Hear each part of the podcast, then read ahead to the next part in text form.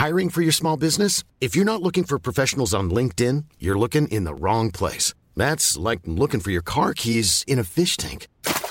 LinkedIn helps you hire professionals you can't find anywhere else, even those who aren't actively searching for a new job but might be open to the perfect role. In a given month, over 70% of LinkedIn users don't even visit other leading job sites. So start looking in the right place. With LinkedIn, you can hire professionals like a professional. Post your free job on linkedin.com slash people today.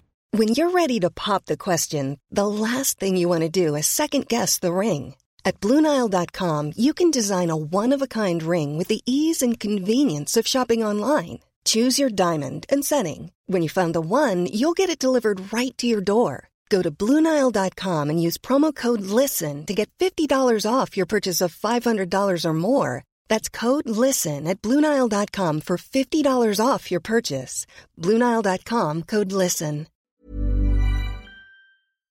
Det tredje riket er kommet. Maximus. Jeg føler at verdens Messias er levende i meg. Ånden er vorden kjød, og kjødet ånd. Alt skapt ligger innenfor min vilje og min velde.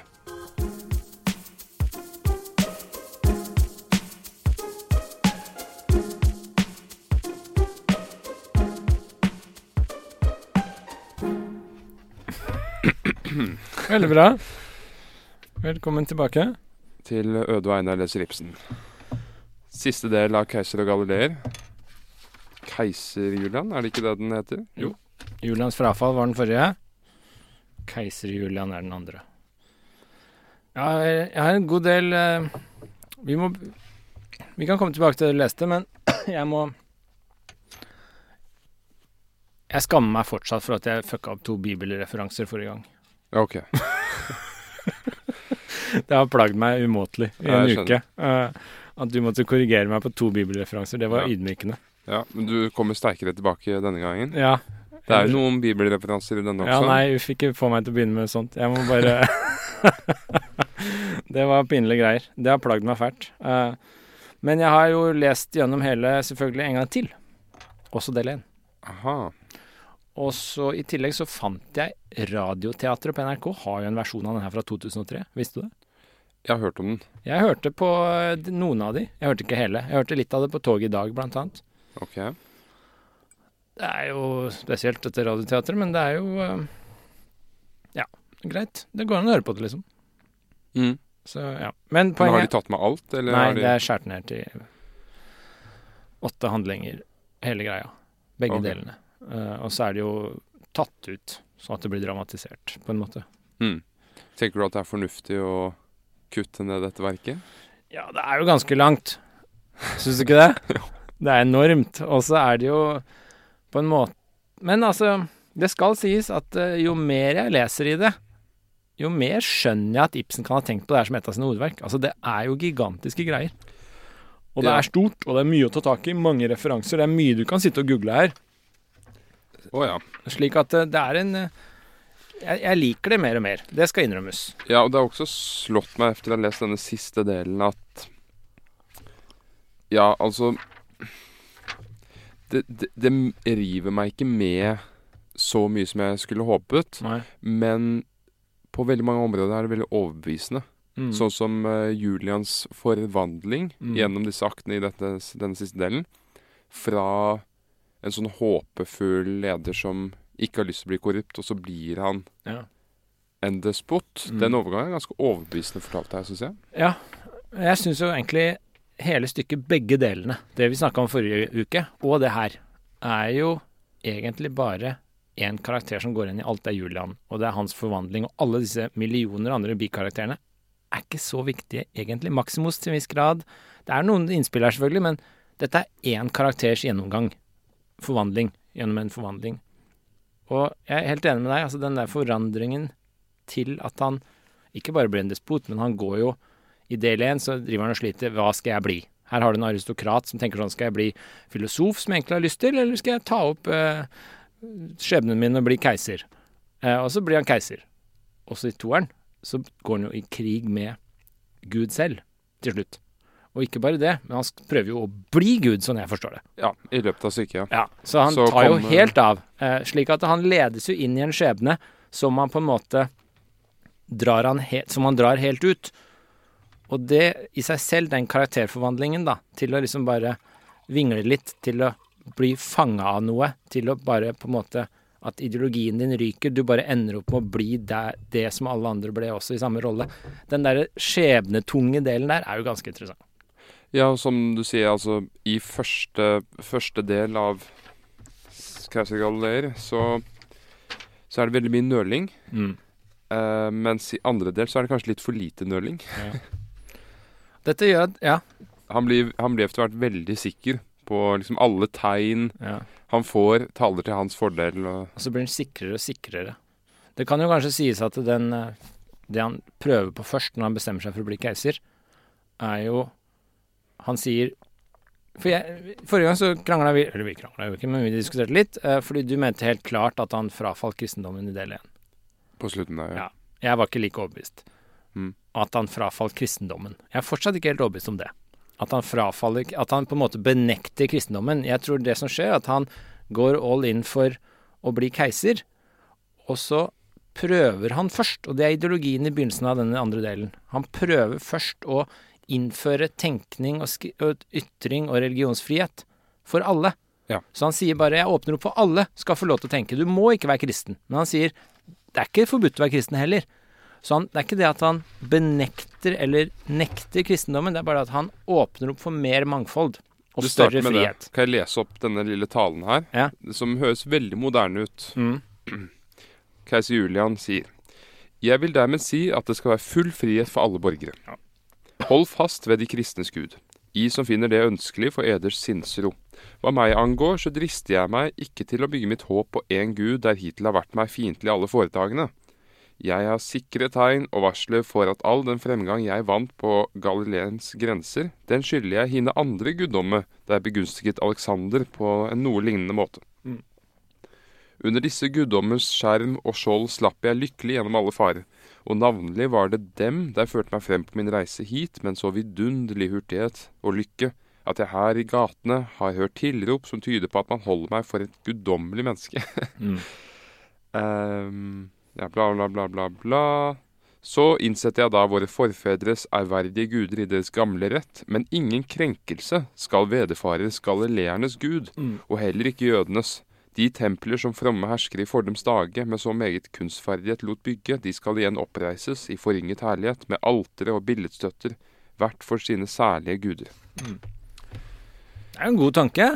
Ja, det er vakkert, eh, nydelig, demokratisk og alt det. Ja, alle skal få lov til å dyrke det de vil. Det er det han vil. Og min teori er at han har egentlig heller ikke inni seg forkasta Gud ordentlig. Kristendommen. Nei, Det er jo den psykologiske delen her. Ja. At Han sier jo da at jeg skal gå over til de andre gudene, men i løpet av stykket så fremstår det litt um, Ja. Det er derfor jeg tror han heller tvunget. Det er derfor jeg tror også at det er litt uklart i del én at han frafaller ordentlig. Det Jo. er bare en staffasje. Det er en ytre greie. Ja, det er det jo. Uh, slik at uh, jeg vil gjerne stå fast på det. Kanskje jeg bare hindrer min egen uh... Men han erklærer jo åpent i, i denne handlingen at han, at han skal gå over til de gamle gudene. Personlig. Ja. Men jeg tolker det mer sånn at han gjør det bare fordi han vil åpne opp for mer mangfold. Det er litt sånn som kongen vår er liksom kristen. Det er ikke noe sånn reelt valg for han å bli det. litt sånn samme greia. Ja, men han begynner jo etter hvert å bli veldig irritert på disse galileerne, da. Ja, ja. Og, det, og det slo meg som veldig interessant. At Mm. Det at han kaller dem galileere og ikke kristne. ja. Fordi det er jo en sånn veldig klassisk hersketeknikk når du skal undergrave et folk, så Eller en trosretning eller noe sånt, så begrenser du det til området. Mm. Det er bare Det, det er ikke noe mer håndfast enn at ja, det, er- Mm. han kommer derfra, liksom. Det er Jeg vet ikke om jeg har noen eksempler på, på bordet her, men um, um, Det er iallfall f.eks. folk som kritiserer islam. Det er veldig vanlig at man snakker om araberne. Mm. Sant? Man, man begrenser det ned til området hvor man kommer fra. Mm. Man har ikke lyst til å snakke om det som, som et trossystem. Mm. Som kan spre seg utover grensene til det Er, det må, er det litt som å på en måte ta litt brodden av det ved å bare feste det til et sted? Jeg tror det. Ja. Jeg tror det du sier på en måte det kan ikke eks ekspanderes. Mm. Det er bare et sånt, det er et stedsfenomen. Ja. det er liksom fra Stavern. Du tar litt brodden av det du sier, på en måte. Ja. Det, det er, pluss at det er usant også. Jeg er jo fra Uranienborg. Men ja. Men eh, ja. Men det som er, jeg er enig med deg, det som er veldig interessant er jo på en måte Og faktisk overbevisende er jo den derre umuligheten av å fullføre den ideen du akkurat leste opp. Det viser seg at det blir vanskeligere og vanskeligere for han å ha denne 'alle skal få lov til å tro hva de vil'. Alle skal få lov til å dyrke det de vil, bygge de templene de vil. Ja, for det starter jo med at, at flere templer blir revet av kristne og sånn.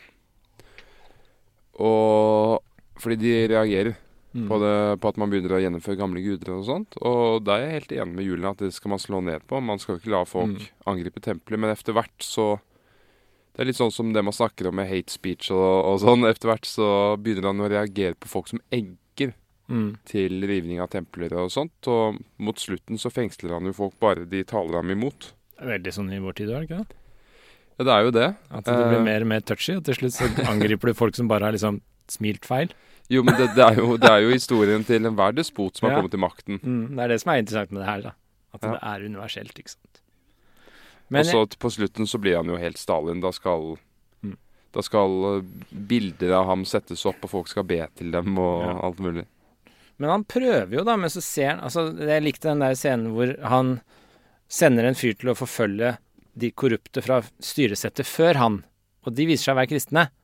Og så sier noen ja, men du forfølger, han forfølger de kristne. Så sier han nei, det er bare tilfeldig at jeg er kristne, han forfølger bare de korrupte. Ja. Eh, og det er liksom sånn korrelasjonen her som er Han forfølger ikke de kristne, han forfølger de korrupte. Slik at, eh, Men de viser seg bare tilfeldigvis å være kristne. Eh, og det er litt sånn det, det, det, jeg, Der skjønner jeg Julian, på en måte. Han skal utrydde noe som han mener er galt, men så viser det seg at de er kristne. Og da blir det touchy, fordi da begynner han å ta en gruppe, selv om han egentlig ikke tar den gruppen. Det er litt som å, Ja. det er litt som å på en måte kritisere Israel, men så blir du skyldt for å kritisere jøder. Det er litt sånn. Det er litt sånn, ja. Mm. Og det, det er litt sånn interessant, da, for det skjer jo hele tiden. Uh. Men det minner så veldig om uh, Ibsen har rørt ved en arketyp her, fordi han har rørt ved denne denne ideologiske lederskikkelsen. mm, Fordi Julian kommer inn, han skal rense stedet. Alt skal bli så Hårskjæreren får sparken. mm. Jeg syns det er morsomt at han kalles hårskjærer, ikke frisør. Det er veldig Eh, morsomt. Og så er han så sjokkert over hvor mye han tjener. Ja, ja, ja. Men det er dette her med at han skal, alt skal bli så rent og perfekt, og, og man skal ikke, man skal ikke um, ødsle med penger og, og Mm. sånt. Og det minner så veldig om så mange ledere. Ideologiske ledere. Det minner meg om han hva heter han etter den revolusjonen i England på, på 1600-tallet? Crom, Cromwell? Cromwell? Jeg tror det. Er Tror ikke jeg det forfatteren? Nei, det er boka. Ja.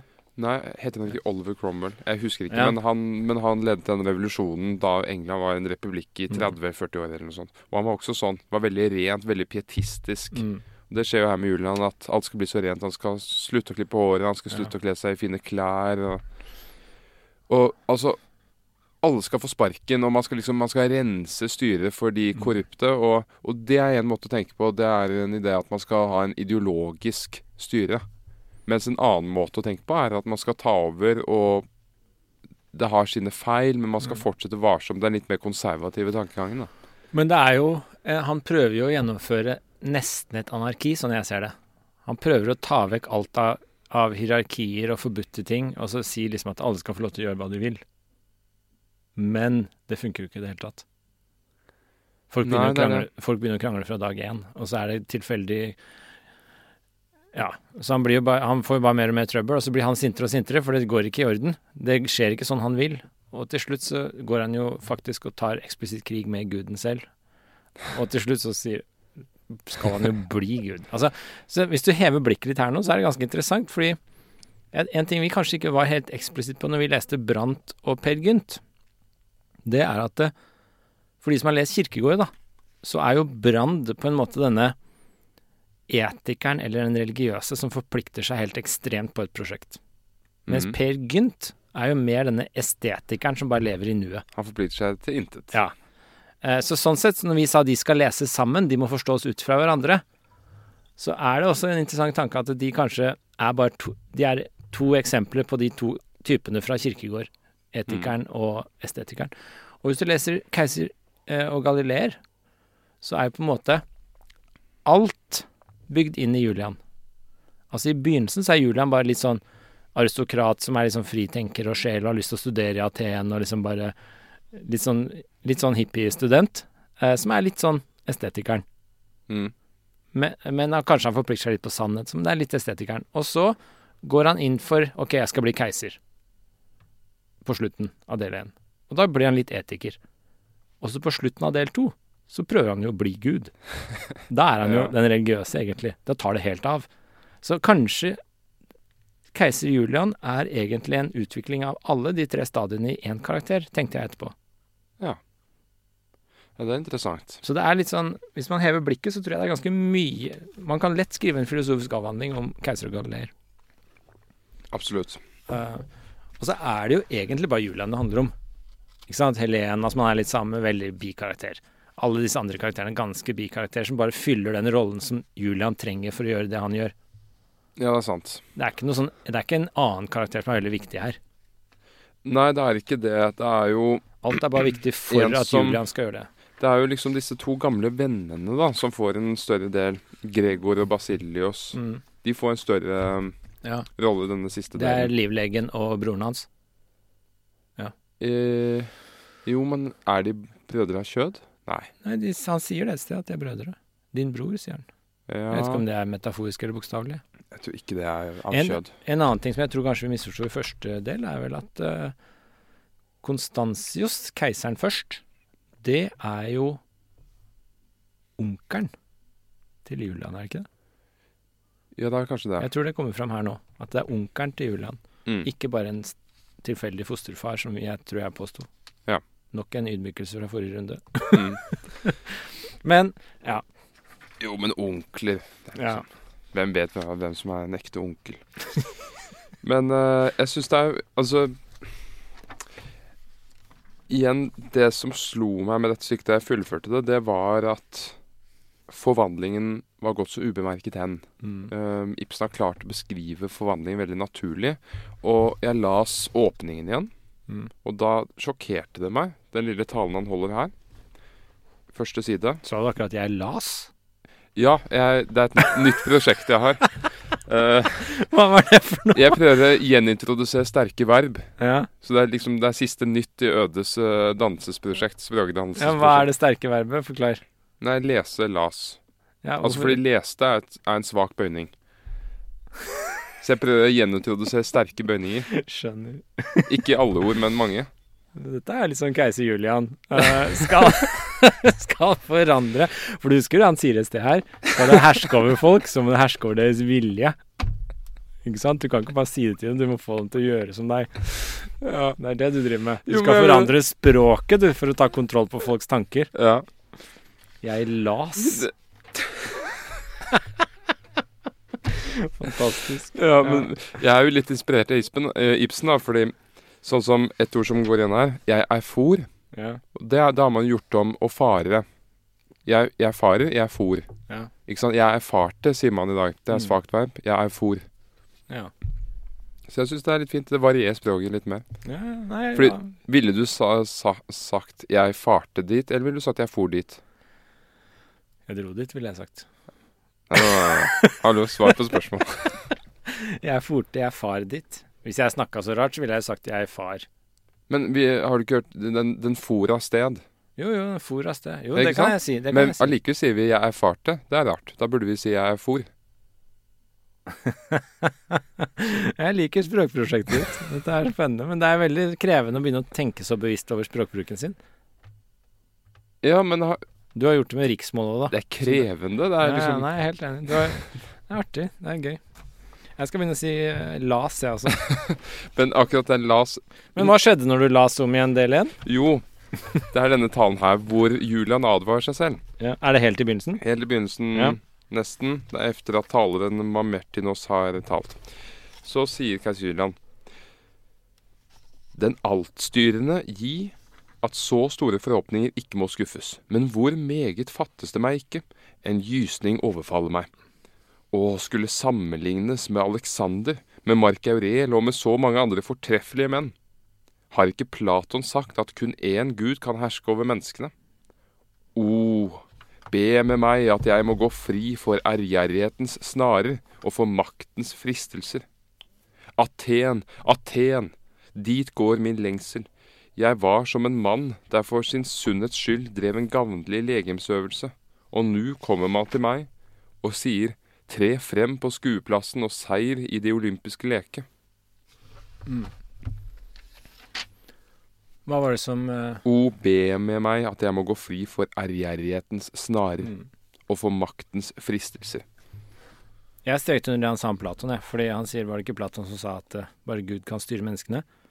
Og han Én prøv- gud, bare En én. gud, og han prøver til slutt å bli den guden, ikke sant. Ja. Og han prøver å vinne over deres vilje. Grunnen til at han taper mot Galilea, Nei, mot eh, kristendommen, altså den kristne, mot Jesus, egentlig, eh, det er jo at eh, Jesus har overtatt folks vilje og indre behov, mens keiseren klarer ikke det. Han klarer bare å styre det ytre. Mm. Så Jesus vinner innenfra, mens keiseren forsøker utenfra, og det går ikke, og da taper han. Det er derfor jeg tror han sier senere for å styre folk, så må du vinne deres vilje.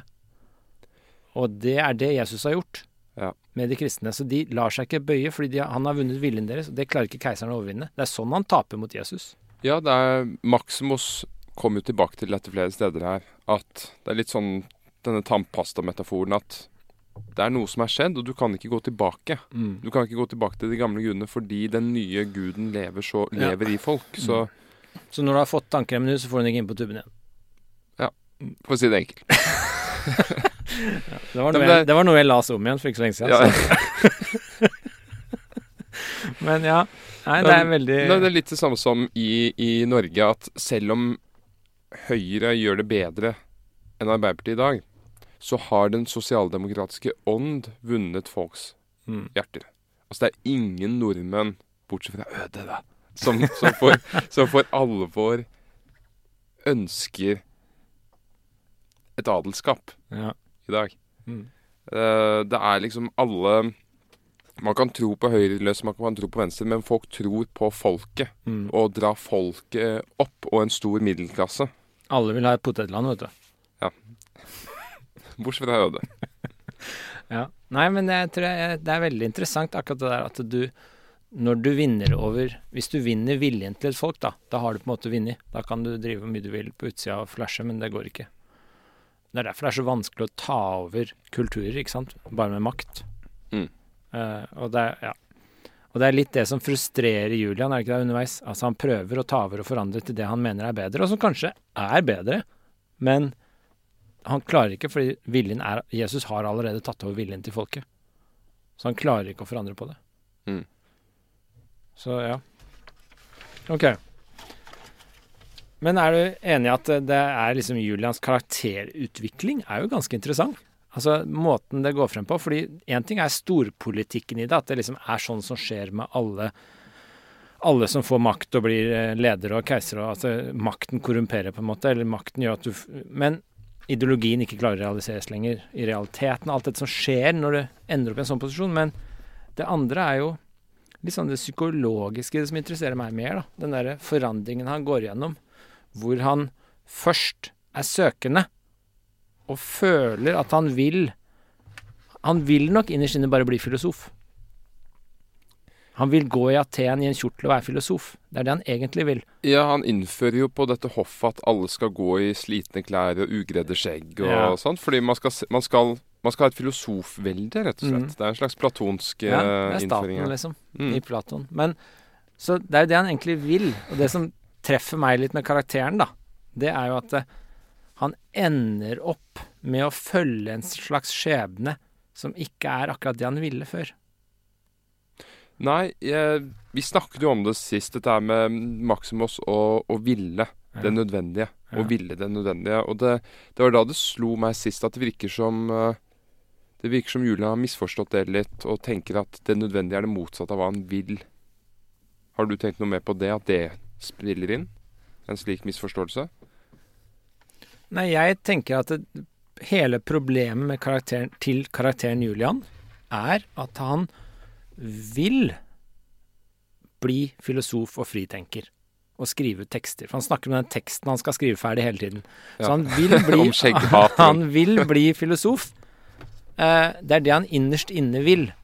Og så blir han dratt inn i dette spillet pga. hans skjebne, pga. hans situasjon, pga. hans arv pga. alt dette. Så blir han dratt inn i det spillet som han på en måte bestemmer seg for å gå all in for. Men den dypere driften i Julian er fortsatt at han vil bli filosof. Så han ledes inn i et prosjekt som han prøver å overbevise seg selv om at han vil. Men det er ikke det han vil. Så Ja. det å ville med nødvendighet her, er det nettopp han ikke driver med. Hadde Mm. han villet Den nødvendige viljen hans er å bli filosof. Det er det han burde ha blitt. Da hadde han fått et Ja. mye bedre liv og lykkes bedre. Jeg er helt enig. Så Så, han han, han, tror ut- at det er nødvendig å bli keiser. Ja, og det er for, misforstått. Ja. Den nødvendigheten han egentlig vil, og vi alle burde ville, er den som vi på en måte ikke kan noe annet enn å ville. Og han kan ikke noe annet enn å ville filosofi, han. Det vi alle burde ville, er å bli filosof. Ja, egentlig. det er jo det Platon sa òg. Nei, men altså Skjønner du poenget? Det tror jeg er greia. Mm. Og det er derfor, hvis jeg skal være litt personlig, det er derfor det treffer meg ganske hardt. Ja. Fordi man vil noe, og så gjør man noe litt annet, og så ender man opp med å drive med et prosjekt som du kanskje ikke ville til å begynne med, og så er man, gjør man det relativt bra, og så har du litt suksess, sånn som Julian, ikke sant? Det lykkes jo. Han går jo oppover, oppover, og så vinner slag og sånn, men så var det aldri helt det han ville, ikke sant. Det er det som er så Mm. trist, da, med denne skjebnen. Og da går det ikke bra til slutt. Det er nesten en forløsning, ikke sant, når han dør. Fordi han var Han hadde villeda seg ut på feil spor. Og Mm. det er liksom den dype her, og det er det som Og jeg syns det er interessant med Maximus, som Ja. er oppi dette her, fordi det slo meg da jeg, da jeg las det At uh, Maximus er jo en sånn type som Jeg tror ikke du vinner den språkdebatten. jeg tror ikke Vi får se. Om noen år så går alle og sier 'Jeg las i går at det Norges Nei, unnskyld. 2024 Altså årets nye ord. Las. Las. Mm. Ok. Uh, men eh, jeg tror at Maximus sier jo masse rart. Det må man jo bare innrømme. Men jeg tror at Julian Han er en sånn type som Julian drasser med seg fordi han smigrer også Julian litt. Ja. Fordi han, Maximus, Maximus sier jo aldri rett frem at han jeg snakker om som skal komme og skal forene veien, det er deg. Mm. Men han hinter til det, og Julian Mm. liker det. Han liker å høre det. Han er jo på en måte den der litt sånn intellektuelle stimulien han får på siden hele tida. Han liker jo den der filosofiske mystikeren som han kan tenke Litt smiger også. Ja. Og så tror jeg han liksom Det er på en måte hans sidekick. Det er sånn han overlever. Han har med seg han. Ja. Hvis han ikke hadde hatt han, det hadde vært ganske trist. En annen ting som slo meg med Julian, er jo hvor ensom han er. Tenkte du over det? Ja, stakkars mann. Altså, han er jo så ensom. Altså, han, og han blir jo bare mer og mer ensom. Og barndomsvennen hans som kommer tilbake når han har blitt keiser, de titulerer han sånn herre og store herre og sånn, og han bare sier nei, nei, vær på fornavn, og de fortsetter å titulere han. Så jo høyere opp han kommer, jo mer ensom blir han. Og Ja. til slutt så er han helt alene. Det er ganske trist. Ja, man ser jo det i, i første akt særlig, da. At han begynner å kaste ut folk som har vært korrupte og i pengesaker og sånn. Og så treffer denne Hva er det han heter Han som treffer hårskjæreren. Det er en sånn jo 200 karakterer her, så jeg husker ikke. Nei, men det er iallfall en, en fyr som treffer hårskjæreren og får høre om nyheter og sånn. Ja. Og så kommer han over til keiser Julian og sier at Å, keis- eh, keiser Julian, jeg må innrømme noe, og det er at jeg har gått over til de gamle gudene. Mm. Og så spør keiser Julian sånn Var du ikke her og hørte på min tale? Nei, jeg kom nettopp med båten. Så han lyver for å Mm. innynde seg keiseren. Mm. Og dermed blir han tatt inn, og, og, og så sier Julian med en gang at For han får høre at denne fyren er under efterforskning for korrupsjon. Nei, legg ned den saken. Dette er, er jo en god mann. Mm. Så allerede der får han jo en falsk venn. Og er det ikke litt sånn når det kommer opp på toppene? Det blir mer og mer ensomt. Og til slutt, når han prøver å bli denne monoteistiske guden på jord, liksom, så er det jo ingen andre han kan være venn med. Gud kan jo ikke ha en personlig venn som er likestilt. Nei. Det går, altså dette er interessant, fordi det, hvis du tenker på det, det går jo ikke an å være genuin venn med noen som er deg er din overmyndighet. Eller under. Ja, eller under, da. Det går begge veier, da. Men altså, Ja. det går ikke an å være genuin venn med noen som Med mindre dere er ganske likestilte, da. Uh, så det er ganske sånn Det er jo det som skjer litt her. Altså, jo høyere opp og jo mer suksess, jo færre ekte venner har han egentlig. Så kanskje denne Maximus er den eneste han har litt sånn sjelefrende med, ikke sant. Ja. Men så kommer det morsomme, da. Og da trakk jeg på uh, Trakk Steit Veip. Jeg trekte på smilebåndet. Nei, trakk er jo riktig. Det sier jeg jo. Ja. Men det, det kan fort bli svakt. Det er flere verv som som er blitt uh, svake. Ja, ja, ja. Så det er den generelle tendensen. For eksempel uh, mange på land sier 'jeg skjærte'. Du sier det, tror jeg. Jeg skjærte Jeg skjærte brød. Jeg skar det. er Ja, jeg sier skjærte. Ja. Du skjærte det, men jeg skar det. Uh, jo, uh, hvor var det jeg var? Det var dette med Jo, dette med når keiser Julian til slutt dør, da. Han dør jo på Mm. på dette, denne, denne, i denne absurde krigen mot uh, Persia, så, så blir ikke Maximus lei seg. Han syns det er litt sånn morsomt at eh, Å ja, denne Jovian skal bli den nye keiser nå. Han er kristen. Ho, ho, ho. Det blir gøy. Ja. Men han er jo mystiker, da. Og han er jo litt sånn diffus og litt sånn distansert, denne Maximus. Du får jo ikke noe personlig forhold til han. Jo, du gjør jo det på en måte, da, men nei. Det er sant. Jeg tror ikke Julian bare ser på Maximus med sånn sånn Maximus viser jo ikke noe sårbarhet. Nei, det er, ingen, det er ikke noe menneskelighet der. Det er liksom bare en intellektuell lek med Maximus. Øh, ja. Men øh, Ja, skal vi se på noen sitater, kanskje? Eller jeg sitter og blar her nå, fordi Vi har jo oppsummert plottet nå, har vi ikke det? Ja, vi har jo det. Um, det er Julian som, bli, som blir keiser og prøver å bli gud, og det, er jo, det er jo dette, det er dette merkelige som skjer at Hvordan vil du oppsummere til én setning? hele teaterstykket Nei, eller del to, i hvert fall. Del to, ja. Del to, og så hele. Vi Oi, må, vi må jo gjøre det i hver episode. Vi må gjøre det i hver episode. ja. Eh, Kan du gjøre det denne gangen? Uh, I del to, dette vi tar for oss i dag, så vil jeg oppsummere det som Det handler om keiseren som prøver å bli gud. Ok.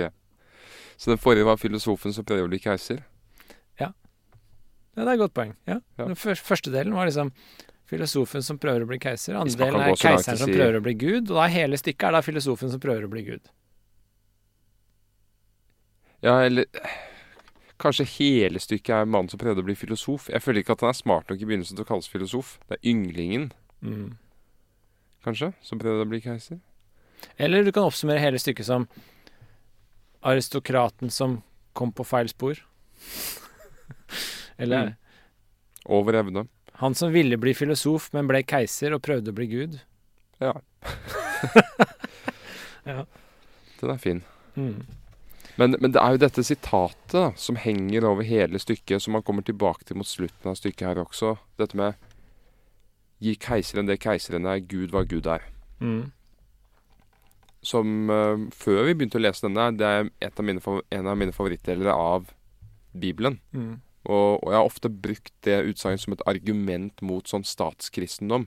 Litt sånn det typiske disse store institusjonene, Romerriket, Mm. norske kirke, dogmehistorien til kirkene hvor de blander seg inn i politikk. Fordi Mm. denne historien med Jesus det er et veldig godt bilde på at det, det skulle aldri blitt, bli sånn. Og For du vet det er Jesus som sa det, ikke Paulus? ja, ja det stemmer. Ja. Så, så kristendommen skal ikke ha noe med verdslige ting å gjøre. Verdslige ting er verdslige ting, og kristendom eller Gud er noe annet. Men jeg tok en prat med en kollega av meg på universitetet som er teolog, og spurte han hva dette betydde. Betød. Ja Og eh, han leste om igjen. Nei da. Men han fortalte meg at eh, det er jo i Bibelen, når Jesus sier det, så blir han jo spurt liksom, hvem er dette bildet på en mynt, skal vi gi eh, skatt til keiseren, hva syns Jesus om det? Og det er jo trick question. Fordi når Jesus blir spurt om det, så blir det gærent uansett hva han sier, vet du. For hvis han sa nei, ikke gi keiseren eh, skatt, så blir det en opprører og dårlig eh, borger. Mens hvis han sier eh, nei, ikke eh, Eller hvis han sier ja, gi keiseren skatt, så blir han en dårlig kristen. En dårlig eh, disippel, eller Jesus. Så, så ah, hva skal han svare? Og da sier han gi keiseren det keiseren skal ha, Gud det Gud skal ha. Så det er en måte å komme seg ut av det på. Uten Ja. å svare noe gærent. For da blir det plutselig en sånn Ja, Han sier jo da at mynten er verdifull for keiseren, ikke meg. Ja, det er, men det er jo et genialt svar på et trick question. Ja. Det er litt sånn som hvis jeg sier uh, det banker du fortsatt kjæresten din? Ok, vent litt. Jeg skal, jeg skal svare rett her. Om jeg banker Om jeg fortsatt banker kjæresten min. Svarer ja Når eller hun nei? spør om det. Ja eller nei? Når hun spør om det. Nei, jeg vet ikke. Hva skal Nei, jeg for det svare? er jo litt sånn det, man, I språkfysisk sier man liksom sånn Have you stopped beating your wife? Den setningen. Så er det sånn Hvis du sier yes, så virker det som du har drevet banka. Og hvis du sier no, så virker det som du fortsatt driver banker. Så det er jo et lurespørsmål, for uansett kommer du ut som en konebanker. Mens det du må gjøre da, er å si jeg vil ikke gå med på forutsetningen for dette spørsmålet. For det er en, en, en implicit presupposition, som det heter. Det er en forutsetning bak spørsmålet om at du er en konebanker. Så spørsmålet hviler på en forutsetning. Og det er litt det som skjedde med den derre når, når de spurte Jesus om den skatten og mynten. Mm. Det er en forutsetning bak der som gjør at han kommer gærent ut. Og det er den han må benekte. Og Ja. Derfor er det et genialt svar han gir. Men så er det jo sånn, så blir jo verden etterpå sittende og lure på hva han mente. Men, Ok, vent litt. Så din teologiprofessorvenn, han mener rett og slett at Jesus bare prøvde å slippe billig unna? Ja, eller at han svarte seg ut av et dilemma. Det var et bra svar. Så Liksom. det er et sånt sofistisk dilemma, egentlig. Ja. Det var ikke dypere enn det. Nei, det, altså, så kan man jo begynne å tolke hva som lå dypere i det etterpå, da. Men det var liksom konteksten bak Ja. spørsmålet. Ja, men Det skjønner jeg, men, men jeg mener allikevel at det er ganske tydelig at hvis, hvis du bruker den historien med mynten, da, med de andre Hvis du sammenligner med andre ting Jesus sier, at mine templer er ikke av denne verden, og osv., så, videre, Mm. så er det ganske tydelig at Jesus sier at 'jeg er ånd, jeg er ikke kjød'. Mm. Dette, mitt prosjekt er åndelig, og vi skal ikke blande oss inn i fysiske ting. Ja, og det er jo det som, derfor jeg er forvirra litt med Paulus. For Paulus er veldig på det der at du skal, du skal underkaste deg staten. Fordi det har kristendom Staten skal gjøre sin greie, og der du er, skal du bare passe inn, og så skal du være kristen på åndelig nivå. Mm. Du skal ikke prøve å forandre på det jordiske. Du skal bare connecte med det åndelige og akseptere det jordiske. Og det er veldig sånn problematisk aspekt i Paulus. Så jeg, jeg er jo enig i at det er Og det er jo det som spilles litt her, ikke sant. Altså, skal du forholde deg til det jordelige, eller skal du forholde deg til det åndelige? Ja, fordi Julian forsøker jo å forene de Mm. i løpet av dette stykket. Mm. Han er- forsøker jo å gi keiseren det Gud er. Ja, det er det som er det tredje riket. Foreningen. Ja. Det er jo det han sier. Ja, det er det Maximus snakker om. Ja. Og så selvfølgelig så tror Julian at det må være meg. Mm. Men Maximus sier jo aldri at det er han. En ting som jeg, jeg tror det er tilbake til det der keiseren det keiseren skal, Gud det Gud skal, så tror jeg det som forvirrer litt, er jo at det, i stykket så facer han jo dette dilemmaet keiser eller galileer. Ikke sant? Mm. Tittelen på stykket er 'Keiser og Galileer'. Mens i stykket så sies det, jo Maximus sier det vel på et tidspunkt, spørsmålet er 'keiser eller Galileer'. Det er spørsmålet. Og det er jo interessant, da. Og og eller har jo to veldig forskjellige betydninger. Og er begge deler. Eller kan bety to ting. Det kan være inkluderende eller ekskluderende eller. Så hvis du sier keiser eller galileer, så kan det være begge deler. Men det må være minst én av de. Mm. Eller du kan bety enten keiser eller galileer, men ikke begge. Det er den ekskluderende tolkningen. Eller kan bety keiser som i keiseren, og galileer som i galileerne. Som i de to Den kampen mellom de to. Ja, men det er den inkluderende eller ekskluderende? For det jeg tenkte var jo at Julian på en måte kunne gå for keiser og galileer. Det er det han prøver på. Sånn jeg tolka det litt. At han, han, han forkaster ikke galileeren. Han bare prøver å realisere både keiser og galileer. Men så ender han jo opp med å måtte forkaste galileeren, for ellers så Det blir bare verre og verre. Dette. Han, de gjør jo opprør, han får det ikke til. Han klarer ikke å inkludere de andre. og så til slutt så går han til krig med galileeren. Men i utgangspunktet så tenkte jeg at han, han kunne jo Det behøver ikke være en ekskluderende eller. Ikke sant? Det kunne være mer sånn som i tittelen. Keiser og galileer. Mm. Så jeg tror det er noe ordspill her på tittelen som har og, og dilemmaet i stykket som har eller. Det er noe som ligger der. Det er en grunn til at det heter og i tittelen, ikke eller. Ok. Hvorfor heter ikke stykket keiser eller galileer? Kan hende at det er en uh Det er et rytmisk spørsmål. At det høres bedre ut med keiser og Ja, galileer. ikke at det har noe med stavelser å gjøre. Jeg tror Ibsen var mer bevisst enn som så på de tinga. Du har jo denne scenen her i Er det andre handling, eller ja, annen handling, hvor han treffer Agaton igjen. Han Ja. vi ikke har sett siden Det er barndomsvennen, er det ikke det? Er barndomsvennen Agaton. Er Mm. svaret er det ikke Agaton. Og han svarer jo. Og så Julian sier 'tal til meg', og så sier Agaton 'jeg kjenner deg ikke'. Og jeg vet at du er jordens herre, derfor kjennes jeg ikke ved deg. Så dette er jo typisk disse kristne som fornekter det fysiske og sånn. Og så Mm. sier han etterpå til fangene 'velg mellom Kristus og keiseren'. Så der kommer jo det valget opp. Ja. Men hvorfor skal det være ekskluderende? Han mener jo det, da. Mm. At du kan ikke være begge, begge deler. Fordi hvis du tenker på Jesus, det han sa, så sier han jo Gi keiseren det keiseren skal, Gud skal Gud skal. Så kan man jo Jo, jeg er enig. Man kan Altså, Julian kunne vært både kristen og keiser mm. hvis han bare da delte oppgavene litt. At når han var keiser, så var han keiser. Når han var trone, så var han trone. At han ikke blandet de sammen. Det blir jo ikke stort annerledes enn at man har et verv og man har et personlig liv også. Nei, jeg er helt enig, altså, men det er kanskje Det er jo kanskje litt Altså kan Ibsen spille på det litt dypere, at det, det kanskje er en dypere motsetning i å gå for det jordelige og gå for det åndelige, altså. At det er uforenlig, ikke sant. Det er sikkert det han prøver å hinte til med hele stykket. At det går ikke an å gjøre begge deler. Du må velge en.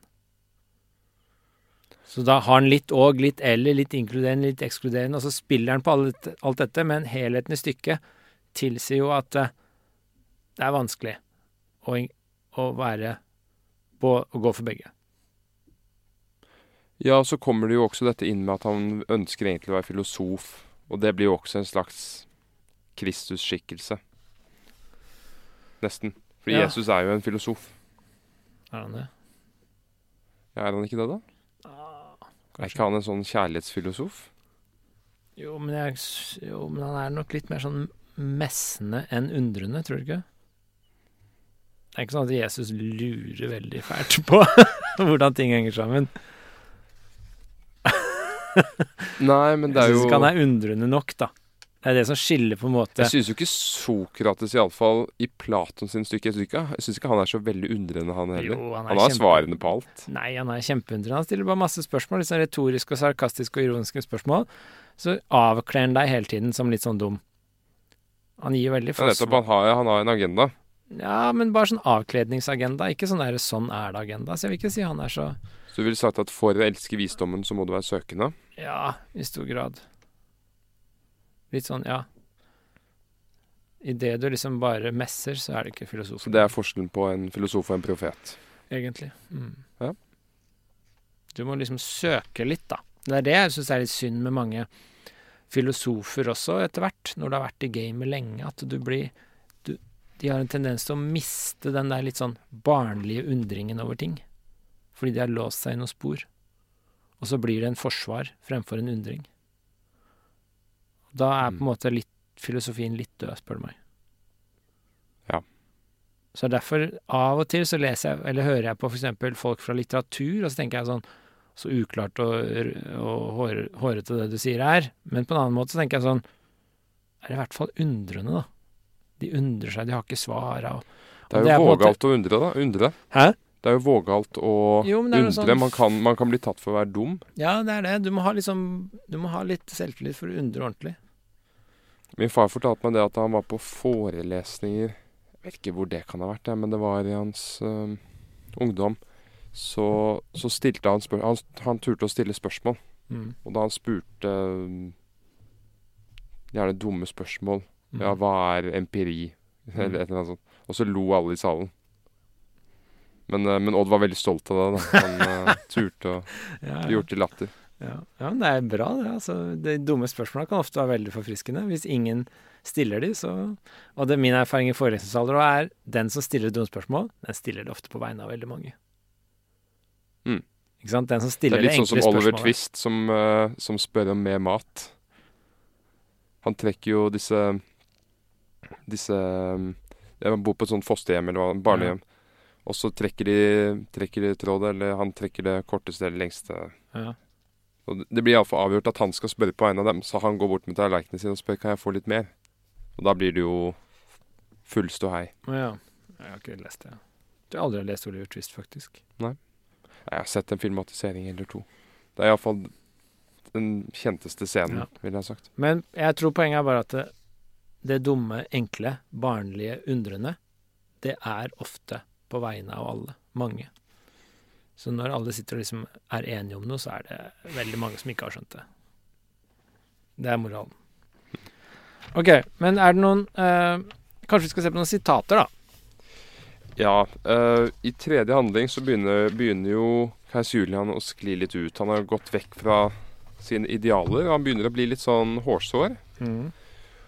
Og han begynner å snakke til denne dikteren Herakleos, som visstnok um, Ja, eller som, som snakker litt spottende eller litt sånn humoristisk til Julian. Og så sier da Julian at han planlegger et, tit, et stridsskrift mot ham. Ja, et stridsskrift mot deg. Et stridsskrift som jeg i denne natt har forfattet i vrede. Eller måtte jeg kanskje ikke opptennes til vrede over din høyst usømmelige oppførsel i går? Hva var det du tillot deg i læresalen i mitt og mange andre alvorlige menns påhør? Måtte vi ikke flere timer i rad døye hine skammelige fabler om gudene som du ga til beste? Hvor torde du komme frem med slike oppdiktelser? Var det ikke løgn alt til hop fra først til sist? Og så sier dikteren noe som jeg liker godt. Han svarer Akk, min keiser, hvis du kaller det å lyve, så har både Ovid og Lukian løyet. Mm. Historiefortelling blir løgn, altså. Det er jo, eh, som vi sa en gang tidligere, som Vigdis Hjort sa Fiksjon kan være sannere enn sannheten. Ja. Det er vel det han reagerer på, da. Ja. Det er jo i, på, altså i eh, noe beslekta med det du akkurat leste, i tredje handling, så sier jo keiser Julian på et Nei, taleren Libanios på et tidspunkt Ja, hvor ville ikke visdommens regler falle flate og usmakelige når de skulle uttrykkes uten bilder og lignelser, hentet fra det overjordiske? Ja. Det, det er også veldig fint, og det henger sammen med litt den samme ideen, ikke sant? Altså, du trenger den historiefortellingen, den fiksjonen, bildene, metaforene, og gjerne fra helt overjordiske til å, å forklare det du ser, til å gi en forståelse til det. Sånn at det ikke bare blir sånn som gullfisken, ny plante hver gang du runder den. Ja, og det er, dette her er jo veldig i, i det antikkes tankegang. Ja. Og man skulle med flerguderi osv. Man skulle tro at Julian ville like dette. Men det er jo dette her som er en del av forvandlingen også. Mm.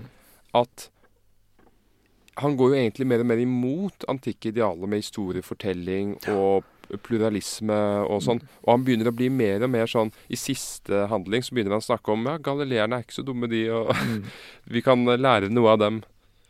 Så han blir jo egentlig mer monotistisk i tankegangen i løpet av uh, Ja, og det er vel derfor vi også Jeg sa tidligere at han går jo på en måte mot seg selv. Det er derfor det er så tragisk karakterutvikling. Ja. For han følger ikke det han egentlig hadde lyst til til å begynne med. Ja. Ikke sant? Det spørres på et tidspunkt her også hvor er skjønnheten? Eh, eh, at den er blitt borte. Han går jo mer og mer for det du skilte forrige gang mellom sannhet, kristne sannheten og den greske skjønnheten. Ja. Og de to holdningene til livet. Og det er litt det samme her, ikke sant. Han, går jo han ville jo ha den greske skjønnheten og den holdningen til livet. Og så gikk han mer og mer sakte, men sikkert gjennom forvandling til den kristne sannheten. Mm. Så er det nesten litt sånn at han Ja, han møter mer og mer motstand, og da må han bli hardere og hardere, føler han, da. Så det blir mer og mer sånn én vilje, én sannhet, monoteistisk. Men han kan ikke la Jesus sin gud få den, så da gir han den Mm. guddommen til seg selv i stedet. Det er litt sånn som du sier noe dumt, og så begynner du å argumentere for det, og så blir det påpekt at det er dumt, og så bare begynner du å argumentere hardere for å prøve å overvinne, og så blir det bare verre og verre. Ja. det er litt sånn. Ja. Planning for your next trip? Elevate your travel style with Quince. Quince has all the jet setting essentials you'll want for your next getaway, like European linen, premium luggage options, buttery soft Italian leather bags, and so much more. And is all priced at 50 to 80% less than similar brands. Plus, Quince only works with factories that use safe and ethical manufacturing practices. Pack your bags with high-quality essentials you'll be wearing for vacations to come with Quince. Go to quince.com slash pack for free shipping and 365-day returns. I'm Sandra, and I'm just the professional your small business was looking for. But you didn't hire me because you didn't use LinkedIn jobs. LinkedIn has professionals you can't find anywhere else, including those who aren't actively looking for a new job but might be open to the perfect role, like me. In a given month, over 70% of LinkedIn users don't visit other leading job sites. So if you're not looking on LinkedIn, you'll miss out on great candidates like Sandra. Start hiring professionals like a professional. Post your free job on linkedin.com/people today. Det står jo også her litt lenger ned på der jeg leser det, så står det og, og dette er jo Julian som sier Å, hva er lykken annet enn det å være i overensstemmelse med seg selv? Og det er det han ikke er, ikke sant? Ja, der siterer han jo Maximus igjen. Hans læremester, på en måte. Maximus er vel inne på noe sånt i første, um, første skuespill, er han ikke det? Jeg husker ikke. Jeg bare liker den ideen at lykken er, Han sier ti er ikke lykken formålet for all visdomslære. Ja, den er fantastisk. Fordi Det er Aristoteles' tankegang. Jo, men det var noe før det også, hvor han begynte å snakke om at vi må gå videre fra Sokrates og sånn. Ja, Så jeg kan lese det, for det er veldig Ja, ja, ja. fint. Her står Det det. Akk, vel må gudene slå hånden av eder i vrede over eders dårlighet. Det er visdomslærere nok i denne stad, men hvor er visdommen? Det er Julian som lurer på det. Hvorfor trer så få i mitt fotspor? Hvorfor blir man stående ved Sokrates? Hvorfor går man ikke et lite stykke videre og følger Diogenes, eller om jeg tør si meg, da vi dog fører eder til lykken? Så det han klager sin sang over her Det han synger sin klage, klager sin sang, hva er det han gjør? Han lager en klagesang over her. Det er jo at folk ikke hører på han. han, får, han de skjønner ikke sitt eget beste. Han er sånn Ja, men hør på meg, det her kan jeg gi dere alt. Og så skjønner dere ikke det. Og så står det videre. Og hva er lykken? Nei, så sier han eh, Hvorfor fører Jeg fører det jo til lykken. Så sier han Ti er ikke lykken formålet for all visdomslære. Så nå begynner han å se på seg selv som en stor filosof. Og hva er lykken annet enn å være i overensstemmelse med seg selv? Krever ørnen gullfjær? Ønsker løven seg klør av sølv? Eller eftertrakter granattreet og bærer frukter av funklende stene? Jeg sier, at, jeg sier eder at intet menneske har rett til å nyte for innen han har vist seg herdet nok til å bære nytelsens savn. Så poenget her er at du, du skal liksom Dette er litt som Paulus igjen. Du skal akseptere deg selv, og så være det fullt ut. Det er den der nødvendige viljen. Ikke sant? Hvis du er løve, så er det dumt av deg å begynne å ønske deg klør av sølv. Ja. Du bør bare gå for løveklørne dine. Mm. Eh, og det tror jeg er veldig viktig. Det er det, det er det Julian ikke får til. ikke sant? Det er det han aldri har gjort. Så han lever ikke i harmoni med seg selv. Han har ideen, teorien, men så etterlever han ikke den egentlig. Ja, nei, for han er jo ikke helt dum heller. Nei. Men jeg syns det også er underlig dette med, med Sokrates, at han kritiserer Sokrates. Det må gå videre, det må gå til Diogenes. Mm. Fordi Diogenes er hans forbilde. Han begynner å kle seg i filler og litt sånn, sånn som denne frivillige uteliggeren Diogenes. Ja, fordi han handler jo og gjør narr av ting ved handling, mens Sokrates bare går rundt og prater. Det er det som er forskjellen på de to. Sokrates bare går rundt og kverulerer. Altså Diogenes forplikter seg kanskje litt mer, da, enn Sokrates. Ja, og så avslører han ting ved handling like så mye som Han driver ikke bare og lager teorier. Men det er nesten noe sånn Jesus-aktig det der, fordi Diogenes er jo litt sånn Jesus-skikkelse, er han ikke? Jo, men det er på mange måter Sokrates òg, faktisk. Altså, Sokrates er jo også en sånn skikkelse som går rundt og, og skal omvende folk. Akkurat som Jesus skulle omvende til kristendom, så skulle Sokrates omvende de til filosofien og, og innse hvor dumme de er. Så han gikk rundt og omvendte alle. Og begge ble henretta fordi de- de var for mye urokråke i samfunnet. Så det er ganske mange likhetstrekk. Ja, de sammenlignes flere steder her. Ja. De gjør det. Men eh, en annen ting jeg syns var litt fint her, som jeg tenkte å spørre deg om. Ja. Dette er eh, litt senere i Dette er også i Skal vi se, bare for sikkerhets skyld. Det er i fjerde handling. Helt i begynnelsen, kanskje? Ja. Ja. Relativt tidlig i fjerde handling så sier mystikeren Maximus Så sier han uh, Hvorfor? Jeg skal si deg hvorfor, sier uh, mystikeren Maximus. Her er en lignelse. Jeg hadde lyst til å høre hva du tenker om. Eh, I nærheten av en viss stad, hvor jeg en gang levet, var der et vinberg, vidt berømt for sine druer. Og når borgerne i staden ønsket rett søte frukter på sitt bord, da skikket de sine tjenere ut til Hint vinberg og lot det hente druer der. Mange år efter kom jeg til den samme stad, men da visste ingen lenger beskjed om de fordums og pri, høyt dru, høyt priste druer. Da søkte jeg vingårdsmannen, vingårdsmannen opp og spurte ham, si meg, å venn, er dine vinstokker utdødd, så som ingen mer kjenner dine druer? Nei, svarte vingårdsmannen, men du vet at unge vinstokker yter gode druer, men ringe vin, altså dårlig vin. Gamle vinstokker, derimot, dårlige druer, men god vin. Derfor, å fremmede, tilføyet han, gleder jeg ennå mine medborgeres hjerte med dette vinbergs overflod, kun i en annen skikkelse, som vin, og ikke som druer. Husker du den lignelsen her? Mm. Jeg strekk under strekk Uh, ja, ja, ja, sier keiser Julian tankefull. Det er dette som du ikke har tatt i akt, sier Maximus. Verdens vinstokk er blitt gammel, og dog mener du, lik fordum, å kunne by druene råd til dem der tørster efter en nye vin. Den nye vinen, ja. Hva tenkte du om den, eh, det bildet? Ja, altså vi, vi var jo inne på det tidligere. Uh, jeg tenker at det er helt, helt rett. Det er jo denne tannpasta-metaforen. Men det er også en annen dimensjon her. At noe kan brukes igjen, men det har modnet til noe annet. Så disse druene de, de har jo blitt fermentert Mm. og kan serveres. Så Maximus sier jo der at du kan gjeninnføre de, denne flerguderiene, men det måtte ha blitt på en annen måte. Ja. Det måtte ha blitt på en, en annen drakt eller Og jeg vet ikke om Ibsen har vært bevisst dette, men jeg mener jo da at den romerske kirke gjør dette med kristendommen når de introduserer alle disse sanktusene. Introduksjonen av sanktuser er en måte å begynne med flergudsdyrkelse igjen, Mm. men i en annen drakt. Ja. ja, jeg er enig i det. Altså, det handler jo liksom om at eh, samme greie kommer i forskjellige former, da. Eh, men det handler også om at det som er nytt på et tidspunkt, blir gammelt på et annet. Eh, og det gamle kan være på en måte en annen form for nytelse enn bare det som var nytt, da. Så hvis du da skal bringe hele Jeg tenkte mer sånn hvis du hele tiden skal prøve å gi dem nye druer, så er det også noe som går tapt.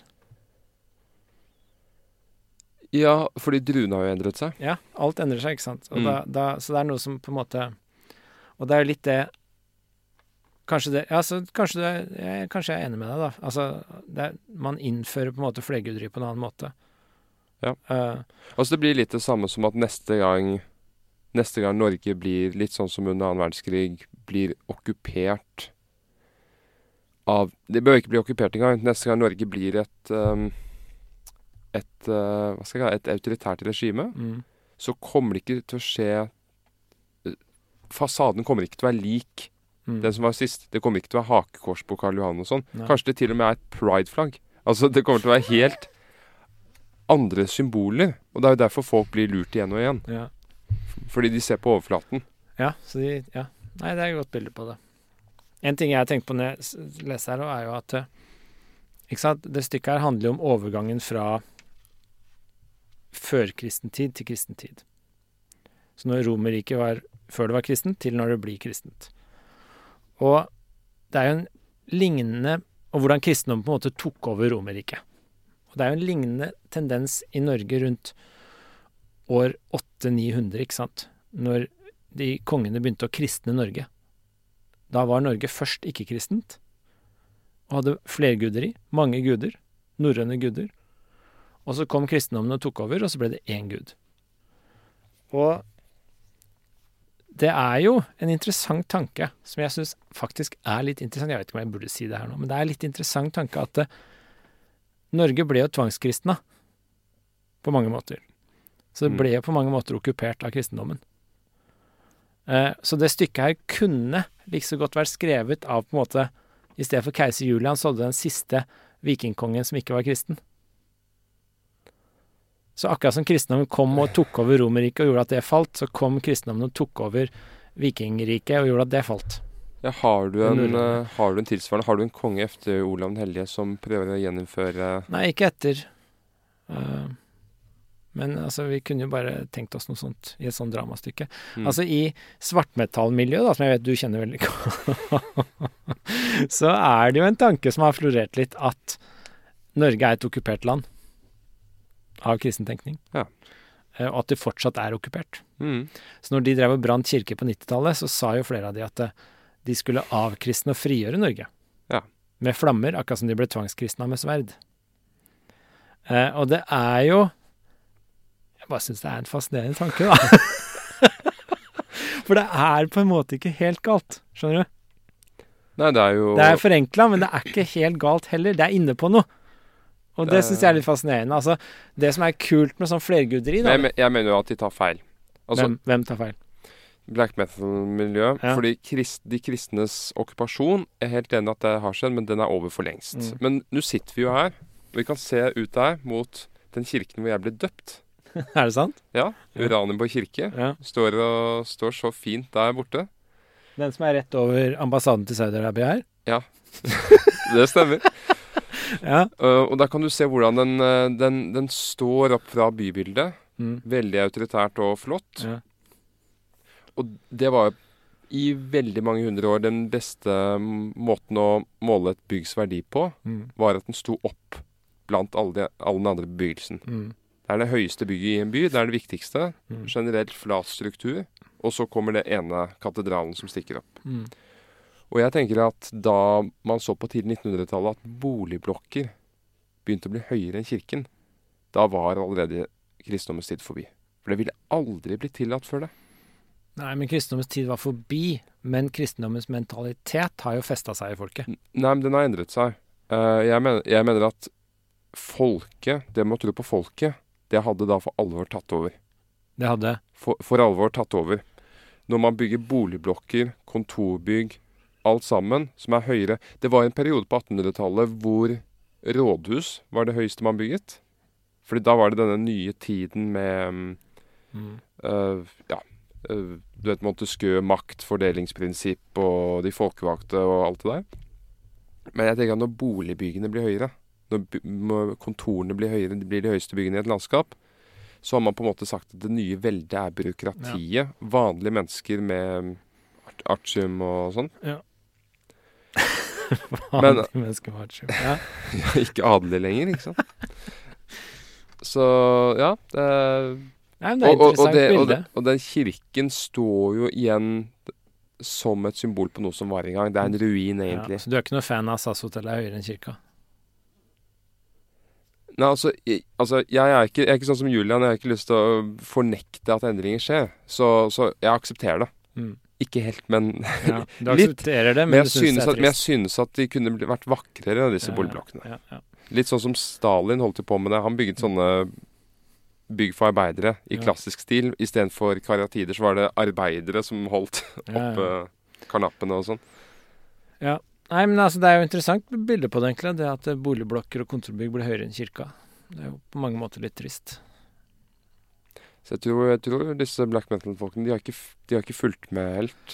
Nei, men altså, det som er interessant med ideen, er jo at det, det er greit nok at Altså, du kan godt si ja, det ble, delvis, det ble delvis okkupert tatt over med makt, og så går det en lang tid, og så fester det seg, og så dør det ut på andre måter. Så det er ikke sikkert det per i dag er en veldig god, godt bilde å si at vi er okkupert av kristendommen, men det er jo Fordi den kanskje allerede er død, som du sier. Jeg tror ikke den er så død som du sier, da, men kanskje den allerede er død. Men det som er interessant med det, er jo at det, det ble tvangsgjennomført på mange måter. Det var på en måte ikke et demokratisk anliggende at vi skulle bli et kristent land. Og det som fascinerer meg, er hva, hvordan hadde det vært hvis det ikke hadde skjedd? Hvis vi fortsatt hadde vår norrøne mytologi og norrøne guder som vi forholdt oss til. Og det var en politisme, altså det var mange guder. Det var ikke bare én. Og det som er interessant med politisme, som også er interessant med sånn Julian vil tilbake til, å ha mange guder, én for fest og moro, én for rasjonalitet, og én for havet og én for sola, liksom. Altså, det som er gøy med det, er jo at eh, du har en gud som reflekterer alle sidene ved et menneske. Og du har forskjellige guder som reflekterer forskjellige sider. Og de gudene krangler seg imellom. Og da får du et mye mer levende bilde på menneskelige drifter og sider. Helt enig. Eh, og det er mye mer godt speila i en politisme.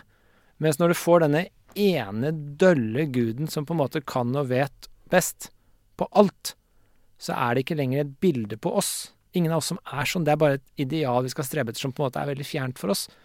Og da dør litt av den der forståelsen av oss selv, tenker jeg, fordi vi mangler speilbilde på mange sider av oss selv. Eh, og det er det jeg syns er litt trist med kristendommen. Jeg tror vi hadde hatt et mye rikere mentalt liv på mange måter hvis vi fortsatt hadde hatt den norrøne politismen på plass. Einar Apostata! Einar Apostata! Men ja, er du ikke enig? Jo, jeg er helt enig, og jeg, jeg, jeg, er også enig i at rester av kristendommen finnes i dag. Fordi det er hele måten å tenke på. Altså, den protestantiske tenkemåten sitter jo i margen min. Ja, den gjør det. Du liker jo å sitte i disse, disse udekorerte kirkene. Piskingen i udekorerte kirker på trebenker med dølle taler. Da får du julestemning. skam og skyld som du aldri får ut. Du bare må trykke ned i magen til du dør. Ja. Tenker på det med monotoisme, så er jo Ibsen har vært flink her til å dra inn Platon, fordi Ja. Platon er jo inne på det. Og det var noe som, noe som overrasket meg. Jeg har ikke lest boken. Har du lest den av Brentano? Skrev en eh, Jeg tror det var Brentano som skrev en sånn bok om Platon og Aristoteles, og hvordan, hvordan den skolen var inne på en modell som var forut for kristendommen. At det egentlig bare er én gud. Én vilje. Mm. Uh, så det starter jo ikke med kristendommen. Det er, Nei, nei. Det, det er en Du kan si at det er, det, er, det er et evig motiv som brukes. Og det er jo igjen i dag på måten mennesker tenker på. Uh, folk leter alltid etter dette ene. Ja, men det har vært en gjenganger i filosofihistorien. Altså Nyplatonikerne, Plotinus f.eks., hadde dette ene som sto for alt. Mm. Noen av førsokratikerne hadde liksom denne det ene som ligger bak og under alt. Altså den form for enhetstenkning, da, hvor alt skal ned til ett prinsipp. Ja. Den er veldig gammel. Mens, mens det politistiske er jo litt sånn OK, denne filosofien passer for deg. Den passer ikke nødvendigvis for meg. Dette passer for den byen, dette passer for den byen. Ja. Det er litt sånn som dette fantastiske sitatet fra den filmen som heter 'Silence'. Har du sett den? Nei. Det handler om eh, to predikanter, eller hva jeg skal De skal prøve kristne Japan, da, og møtt mye motgang. Og disse japanerne de driver jo og torturerer kristne. Jeg tror det er på 1500-tallet. Mm. Og så sier denne japaneren kristendom er kjempebra der hvor dere bor. Men noen planter vokser i Japan som ikke vokser i Vesten. Mm. Og noen planter vokser i Vesten som ikke vokser i Japan. Ja. Og kristendommen fungerte veldig bra der hvor det var, men den, den vokser ikke godt her i Japan. Ja. Så hold dere unna. Jeg liker den tankegangen. Jeg savner faktisk mer mangfold, men mangfold i isolerte bobler. Ikke mangfold hvor alt skal opp i samme gryte. Helt enig. Helt enig. Det er um, Denne suppa med alle ingredienser er bare en gjørme. Jeg vil ha mange forskjellige spesialiserte Suverene. supper. suverene. Mange suverene Jeg vil ha løksuppe, kjøttsuppe, tomatsuppe. Alt skal spesialiseres og være godt. Jeg vil ikke ha den ene Men hva med sosialdemokratiet, Einar? Men jeg savner i hvert fall politisme. Det er konklusjonen så langt. Og det gjør du òg. Jeg gjør det. En interessant ting her er at når monotismen oppsto, og det ble bare én gud, som skal én sånn derre absolutt greie som skal representere alt, som bare skal liksom være idealet, så for meg i hvert fall, så ble desto da kunsten desto viktigere. Fordi kunsten kan fortsatt representere alle de sidene ved meg som jeg ikke kjenner igjen i Gud. det er, ja, det er nettopp det. Så kunsten tar den rollen som politismen hadde, da. Og det er det som er så morsomt med reformasjonen til Luther.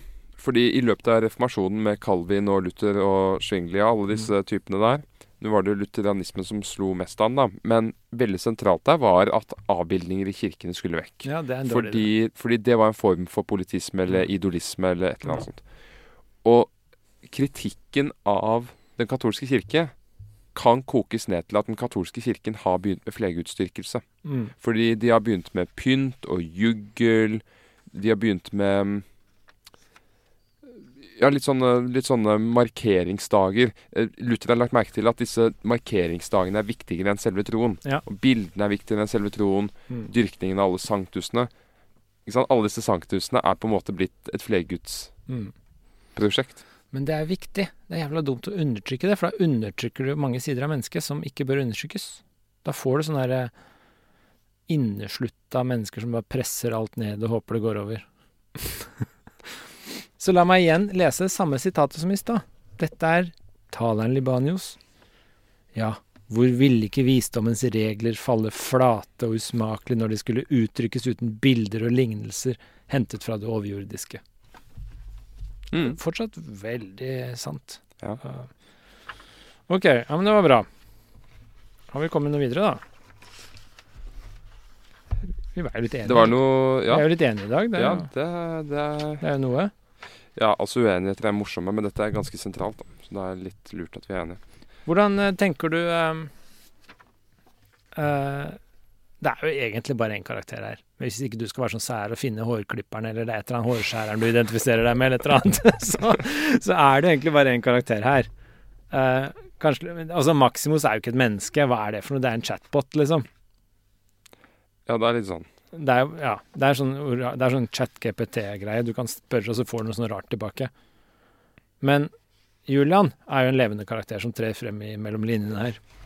Og Julian sier, Julian sier så mange morsomme ting. Det er sånn Når han holder denne talen om at folk har kritisert ham for skjegget han ikke stusser og sånn. Ja. Han skal skrive, skal skrive dette med motskritt som heter 'Skjegghateren'. Mm. Men så sier han også eh, Ja, dette skjegg er eder rett en torn i øyet.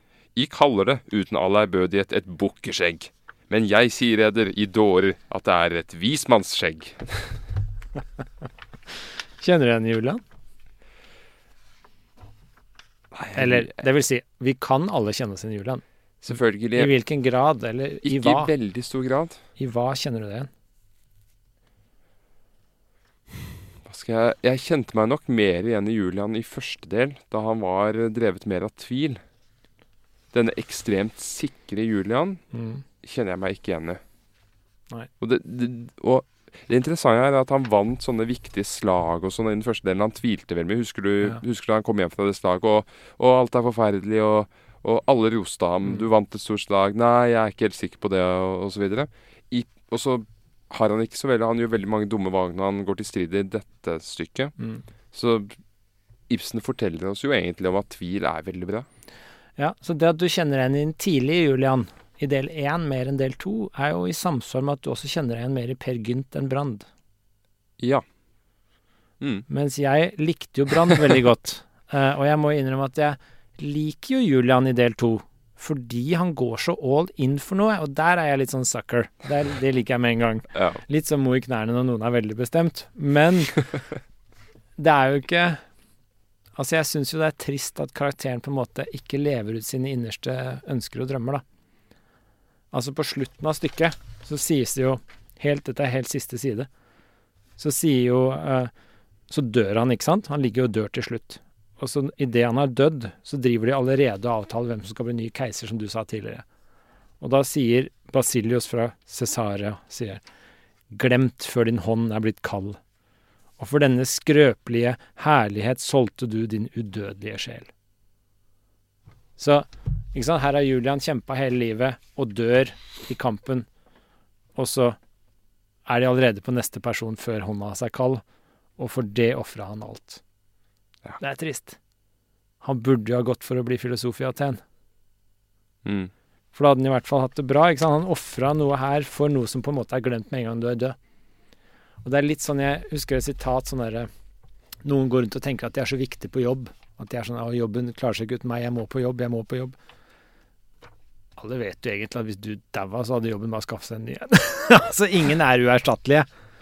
Og Det er veldig hardt sagt. det er litt trist å tenke på. Uh, og så sier han litt lenger ned, nå er det mystikeren Maximus som sier Hva er det verdt å leve? sier Maximus. Alt er spill og lek, og ville er å måtte ville. Og der er vi tilbake til begynnelsen, ikke sant. Mm. Så Har du det sitatet der når han får høre at de har kåret denne hærføreren Jovian som ny keiser, hvor, han, hvor Maximus begynner å le, og da er eh, liket til keiser Julian fortsatt varmt? Skal vi se hvor det er. Eh, ja, her er det. Rop fra leiren. Leve keiser Jovian. Livlegen Oribases. Og hørte i dette rop høvedsmann Ammian. Krigsøversten Jovian er utropt til keiser. Mystikeren Maximus ler. Galileeren Jovian. Ja, ja, ja. Så ja. Det viser jo også bare at Maximus egentlig er en ganske kald sjel. Jeg føler ikke han er en sånn person du når inn til og får et varmt forhold til. Han er liksom alltid dette sidekicket som bare liksom driver og leker med ord. Ja, men han, han er jo Ironiker, tar ingenting seriøst. Han er jo den ekte filosofen her. Fordi en Bare filosof. Altså Det er som grekerne sa, at hvis du blir filosof, så begynner du enten å gråte eller å le. Men den viseste filosofen ler. Ja. Fordi han tar det ikke personlig, han har dette overblikket. Så han er jo den eneste ekte filosofen her i stykket. Det er godt å høre. Du vet hva læreren alltid sa om meg på barneskolen? Ja, hva da? På foreldremøter på barneskolen så var vi alltid sist, for det, var så mye, tok så mye lengre tid med meg enn de andre. Så var alltid siste foreldremøte på kvelden. Og så sa læreren alltid Einar er jo litt morsom og sånn, men må han prøve å være morsom hele tida? er vitsen like morsom tredje gangen han kommer på bordet, liksom? I samme time? Det var kanskje litt eh, mørk humor også? Ja, så det var liksom bare tull og tøys, ikke sant? Så det er den ekte filosofen, det er det du sier. Ja, jeg tror det. Uff da. Jeg kjenner andre som sier at du ikke skal le bort alt som er alvorlig. For da går du glipp av det inderlige i livet. Ja, Ironikeren, ikke sant, kommer ikke inn til det som er Men ja, det er sant det, men, eh, men altså kanskje dette er profeten og filosofen, ja. Filosofen ler mens profeten gråter? Ja hvor er du? Ja, det er en sånn uh, Det er jo ganske morsom, du tror. Det er en bipolaritet jeg kjenner igjen. Ja. Jeg, jeg, men, men jeg er jo ganske Ja, altså jeg liker humor. Ja. Um, Men klarer du å sitte og grine til en film? Og mene det uten å tulle? Uten å kaste vann i ansiktet og sånn? Ja, det greier jeg. Mm. Men det er ganske få Greier du det sammen med folk? Best Det er sammen med folk? Det er lettere lettere. alene. Ja, er helt enig. Jeg klarte å nesten grine til 1883, den serien. Den westernserien. Men ikke helt. Jo, det, jeg tror det kom en tåre, men jeg kjente sånn klump i halsen, og jeg trodde jeg hadde et sammenbrudd. Jeg ble sånn, hva som skjer nå? Nå bryter jeg sammen. Og jeg var helt aleine på sofaen. Men så begynte det å gå opp for meg at oi, jeg er nesten i ferd med å grine. Så jeg, det er best alene, jeg er helt enig. Jeg begynner ikke å grine foran TV-en sammen med ungene mine, liksom. Da er det bare å holde maska. Ja. Det er uh, naturen det, som ber enn å holde masken, er det ikke det? Jo, jo. Det kan iallfall ikke være kulturen. Jeg, Det er keiseren, vet du. Keiseren må holde maska, mens galileeren kan grine. Ja, Stemmer det. Men hva er, hvis du hadde begynt å grine sammen med noen i nærheten, hva ville vært en god respons fra de rundt deg? De hadde begynt å le, tror jeg. De hadde bare blitt sånn Hva er det som skjer med deg nå? Men vet du hva, det, det jeg tenkte på, det er at en slik respons ville jeg likt. Jeg ville likt hvis de lo litt. Ja. Jeg ville ikke likt hvis de var sånn ååå, eller Nei, det er sant. Ja. Det er jeg enig i, faktisk.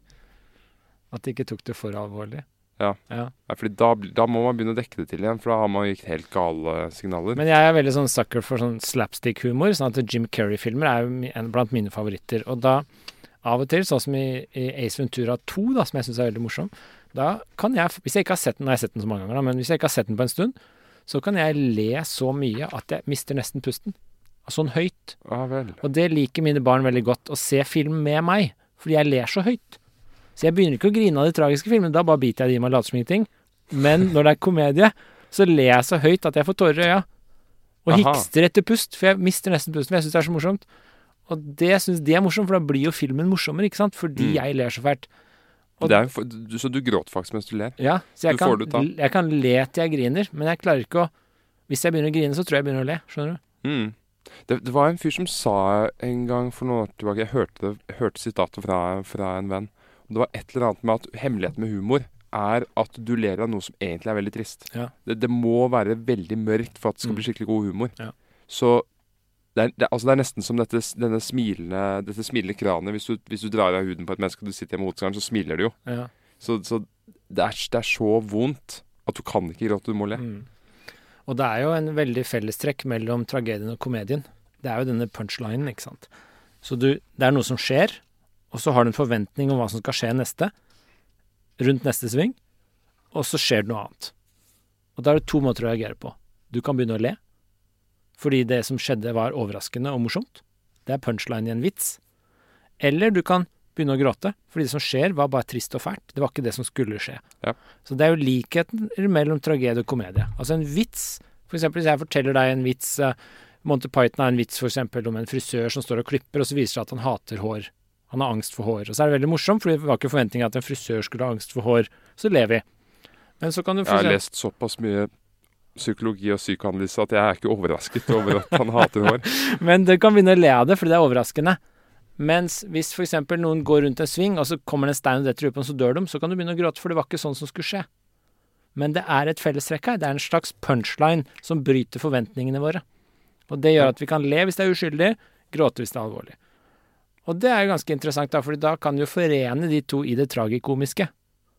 Jo, men det kan være veldig alvorlig når du ler også. Det er bare Ja, ja. at man har ikke like mye sympati for personen. Det er jo som Aristoteles er vel inne på det i poetikken, at, at tragedien er en, en snill person det går dårlig med. Ja. Mens komedien er kanskje en Kanskje ikke slem, men en, en litt sånn nedrig personlighet. Ja. En stygg person som det går bra med. Mm, det er en person som er litt lavere enn det han burde, som, det, som vi kan le av. Uh, men uh, tragedien er Ja, du må ha sympati med den skal det være en tragedie, ikke sant. Så må du ha sympati med karakteren. Kjenne deg igjen. Men en som forener eh, komedien og tragedien, er jo Chaplin. Har du sett noe på ham? Ja. Har du sett City Lights? Ja, Hvilken av dem er det? Det er med den blinde, blinde piken. Nei. Du har ikke sett den? Fordi den er sånn Altså, den er veldig morsom. Det er veldig mange ting. Det er Mm. liksom Han redder en, en rik mann som forsøker å begå selvmord i, først, i, i begynnelsen. Han skal kaste seg ut i vannet med en sten. Han er full og veldig deprimert. Sånn klassisk rik fyr som ikke vet hva han skal gjøre med livet. Ja. Og fordi han redder ham fra selvmord, så blir han dratt med på fest og, og sånt, og får penger av han. Masse styr skjer. Men eh, det som skjer mot slutten av stykket, da, det er jo at det blir en tragedie. Ja. Og der er det umulig å ikke gråte. Siste scene. Så den må du nesten se, og så må du gi meg ra rapport Ja, ja. om du greide å holde Nei, jeg har sett den der med alt det klokkeverket, mekaniske verket, og så den Hitler-filmen, og City Lights er den beste. Ja. Og den i butikken er veldig morsom. Han jobber, han jobber i en butikk og skal henge opp det skiltet, og så kommer det noen Ja, den er veldig morsom. Den ligger på YouTube til og med. Har du, det, er, det er en annen som er veldig fin. Det er um, Jeg har alltid jeg har tenkt, Gold Rush. Gold Rush er fin. ja, jeg har tenkt å kjøpe Chaplin Complete Works. Det er en sånn boks, tror jeg. Veldig morsom humor. Det er jo liksom forløperen til Jim Carrey, ikke sant. Det er jo helten til Jim Carrey. Er det det? Ja, ja. Det er jo helten til alle gode komikere. Chaplin er jo helt fantastisk. Mm. Men OK. Er det andre ting? Jeg vet Dette sitatet her er jo helt kostelig, da. Og nå må du Hvor er du nå? Nå er jeg i femte, femte akt, og Er jeg ikke det? Jeg, jeg, er i femte handling. Det er rett før Det er rett før Julian dør. Ja. Så tar han en liten pause fra striden. Han blir jo drept av sin barndomsvenn Agaton til slutt, som kaster et spyd inn i ham. Men her sier han til eh, Det er jo, det, men før du går videre, det er jo interessant. At det er barndomsvennen som dreper han. For da er det fortida som kommer og henter deg inn. Ja, nettopp. Og det, er jo litt, det stemmer jo med det vi sa tidligere, at uh, her er det jo Julian som på en måte kom ut på feil spor. Han ble keiser. Han burde jo blitt filosof. Mm. Så kommer fortida og henter han igjen. Det er det som tar livet av han. OK. Si det, Oskar. Ja, og ikke minst med et spyd, sånn som Jesus. Eh, Men uh, Jesus blir jo tatt er Stikke i sida med stukket ja. Det er litt, litt det Mens samme. han henger på korset. Men uh, nå må, du- nå må du fokusere, for nå må, må du fortelle meg hvor denne bibelreferansen kommer fra. Ufta. Og det er når Julian sier til mystikeren Maximus uh, Han forteller han om en drøm. La meg se Bla, bla, bla. Um, OK. Han sier og hva, og hva vinner den seirende? Er det møyen verd å seire? Hva har den makedoniske Alexander, hva har Julius Cæsar vunnet? Galileeren, tømmermannssønnen, sitter som kjærlighetens konge i varme, troende menneskehjerter. Hvor er han nå? Er han virksom annensteds, efter den tid da hint gikk for seg på Golgata? Jeg drømte nyss om ham, jeg drømte at jeg hadde lagt hele jorden under meg. Jeg bød at galileernes minne skulle være utslettet på jorden. Og så var det utslettet. Da kom åndene og tjente meg, og bandt vinger til mine skuldre. Og jeg svinget meg ut i det endeløse rom til jeg festet min fot på en annen jord. Det var en annen jord enn min. Dens runding var større, den hadde et gulere lysskjær, og flere måneskiver dreide seg om den. Da jeg så ned på min egen jord, keiserens jord, som jeg hadde gjort galilerløs, og jeg fant at alt hva jeg hadde gjort, var såre godt. Tar du den? Nei, altså, det eneste jeg tenkte på nå, var skapelsesberetningen. Ja. Var det det du mente? Mm. Ja. Når Gud ser på hva han har skapt, og alt hva sårer godt. Ja. Jeg trodde det var noe dypere du hadde. Jeg ble stressa igjen nå. ok. Ja, for han ser jo ned på det han har skapt og sier, og, så, og han så at det var godt for hver dag han skaper noe, ikke sant. Nei, det var ikke verre enn som sa. Men det er bare det, det, tyd, det aller tydeligste hvor det skriker opp i ansiktet ditt her Ja. at keiser Julian begynner å tro at han er gud. Ja. Er det uh, Ja. Mm. Så du siste setningen i hele stykket? Tenkte du over den? Ja, den tenkte jeg eh, litt over. For da er det Basilios og søsteren som snakker sammen rett etter at Juli- Julian har dødd. Og som du sa, Basilios sa Ikke sant? Hva var dette? Var det dette han ofret livet sitt for? Ja. Men så kommer søsteren hjem, Makrina. O bror, la oss ikke tenke denne avgrunnen til bunns, villfarende menneskesjel. Måtte du fare vill. Da skal du visselig regnes deg til gode på hin store dag, når den veldige kommer i skyen for å si dommen over de levende døde og over de døde levende. Jeg syns den siste der er veldig fin. Når dommen kommer over de levende døde og de døde levende. Jeg- Jeg tenkte at her, og her leker Ibsen med ord og bytter om og sånn. Jeg tenkte dette her var ikke dypt, tenkte jeg. Hva tenker du på med levende død? Hva er man da? Levende død, ja det er jo sånn zombieaktig. Eller veldig deprimert. Ja, for jeg tenker når du er levende død, så er det det, er det samme som det ordtaket 'Jeg eksisterer, men jeg lever ikke'. Mm. Ikke sant? Du bare er, men du, du blomstrer ikke. Du er helt død inni deg. Det er iallfall en negativ konnotasjon. Ja, da er du levende død. Mens de døde levende, det er jo de som på en måte lever videre selv om de er døde. Tenkte jeg. De døde levende. Så liksom De som vandrer rundt på jorden og ikke har gjort noen ting, og bare er i dårlige tilstander og forhold og jobber og, og situasjoner og bare er døde inni seg, bare lever Bare eksisterer videre, men de lever ikke. Det er jo trist. Og så har du de som lever, men de har levd så mye at de faktisk har dødd, men de lever videre, sånn som Kurt Cobain og Jim Morrison og de store kunstnerne. De er de, de, er de døde levende. Mens de deprimerte som bare går rundt i hverdagen fra sted til sted og ikke gjør noen ting ut av livet sitt, de er de levende døde. Og de kommer en og gjør en dom over alle disse. Hvem er du, Øde? Er du levende død, eller er du død levende? Jeg har opplevd ikke sistnevnte, da. Med mindre du ser syner. Men eh, ja, nei, jeg syns den er vanskelig. Det høres for meg ut som Ibsen prøver å høres veldig smart ut her. Oi, men hallo, forresten. Uh, du fortalte meg før vi gikk inn her i dag at du ville sitere Hamsun. Hamsun hadde sagt noe om Ibsen. Ja, det glemte vi. Altså, det kan vi ta. Um, det var to ting jeg glemte, faktisk, som vi snakka om rett før her. Og det ene er jo at jeg, i helga så leste jeg Hamsun om Ibsen. Og jeg har jo Hamsun samlede verker selvfølgelig i hylla eh, i uh, nyeste utgaven. Og der er det samla i en av bøkene, eh, to av bøkene faktisk, men i den ene samla en del taler, offentlige foredrag Hamsun ga på slutten av 1800-tallet i, i Norge. Og en av dem heter om norsk litteratur, om, nordisk, om litteratur og litt sånn. Og der går jo Dette er en kjent greie fra de som kan historien her, da, men der går jo Hamsun holdt et offentlig foredrag i Kristiania hvor han dissa Ibsen spesielt, men også eh, Bjørnson, Lie Hvem er det siste av de fire store? Eh, Kielland. Kielland. Han dissa alle disse fire, eh, og spesielt Ibsen. Og så gikk han videre og dissa Ibsen i en senere foredrag.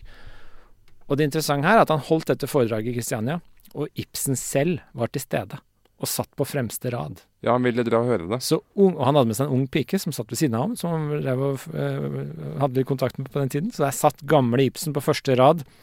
Unge Hamsun sto på scenen og bare dissa han mens han satt og hørte på. Det er jo ganske episk.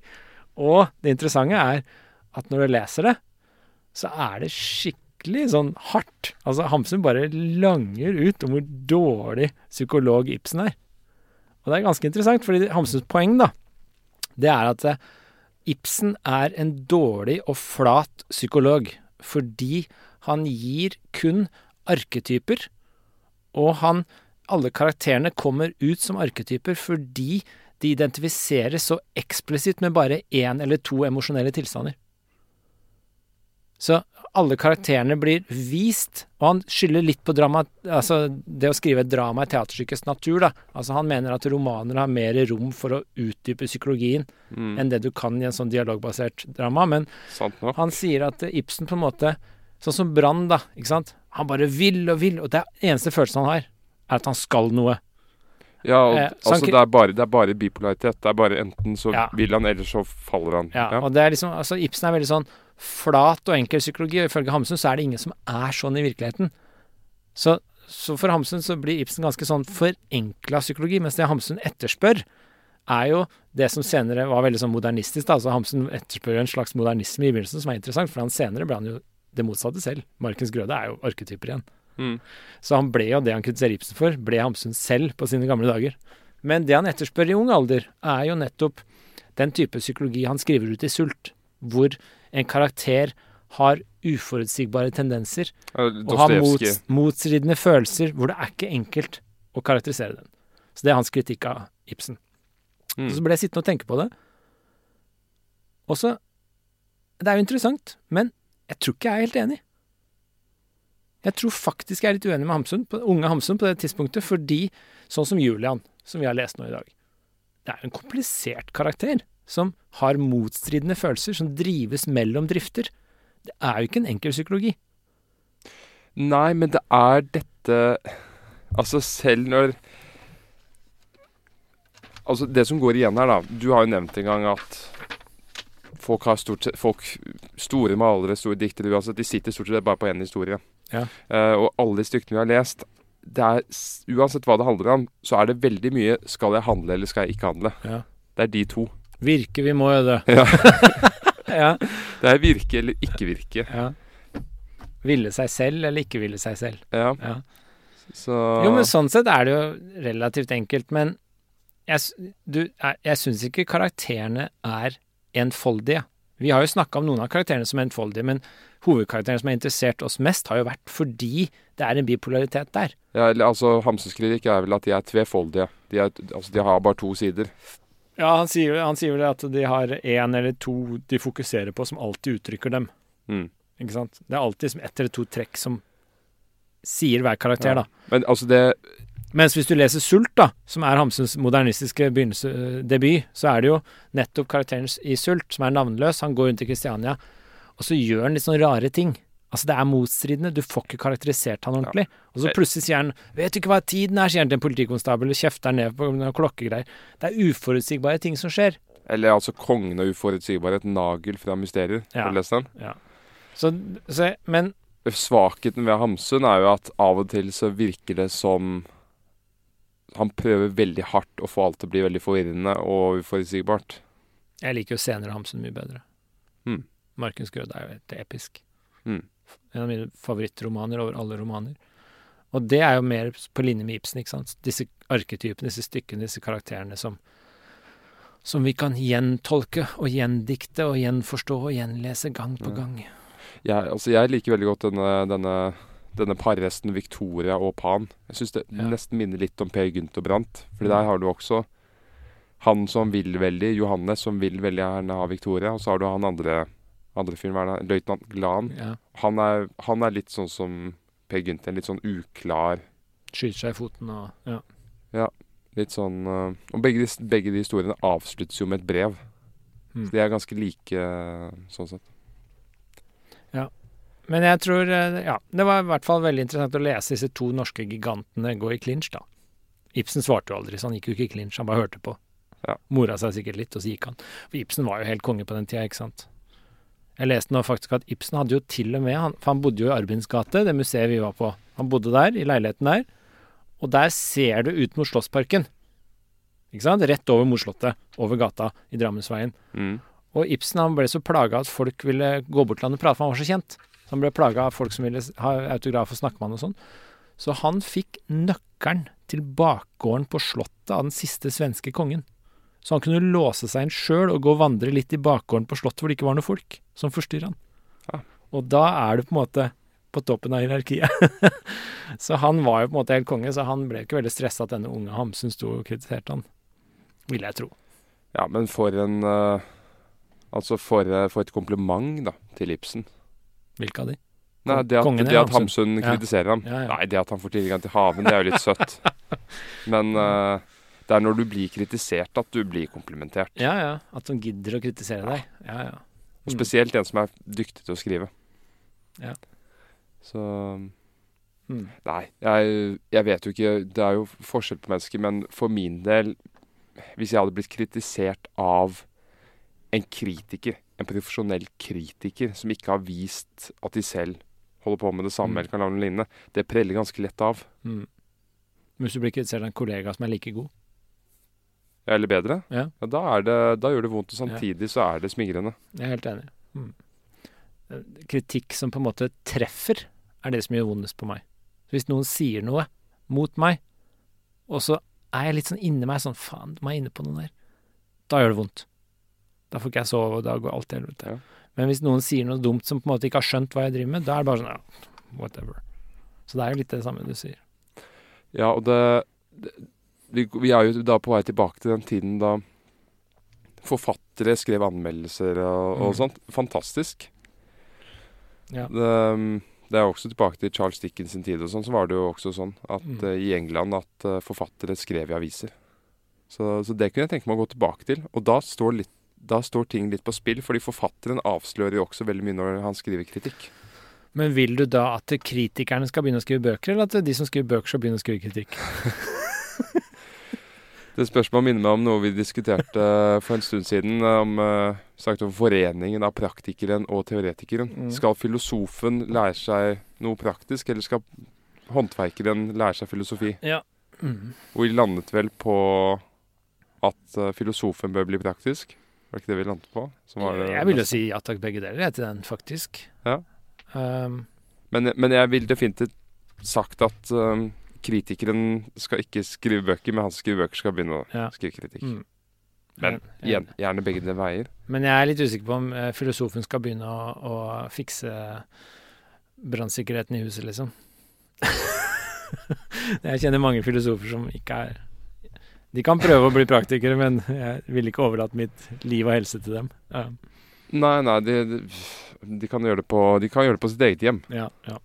Men jeg har et annet spørsmål til deg. Vi begynner å nærme oss slutten her, tror jeg. Men jeg har et annet spørsmål til deg. Ja.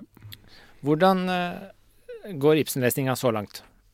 Vi, for nå, jeg tenkte nå er vi ca. halvveis.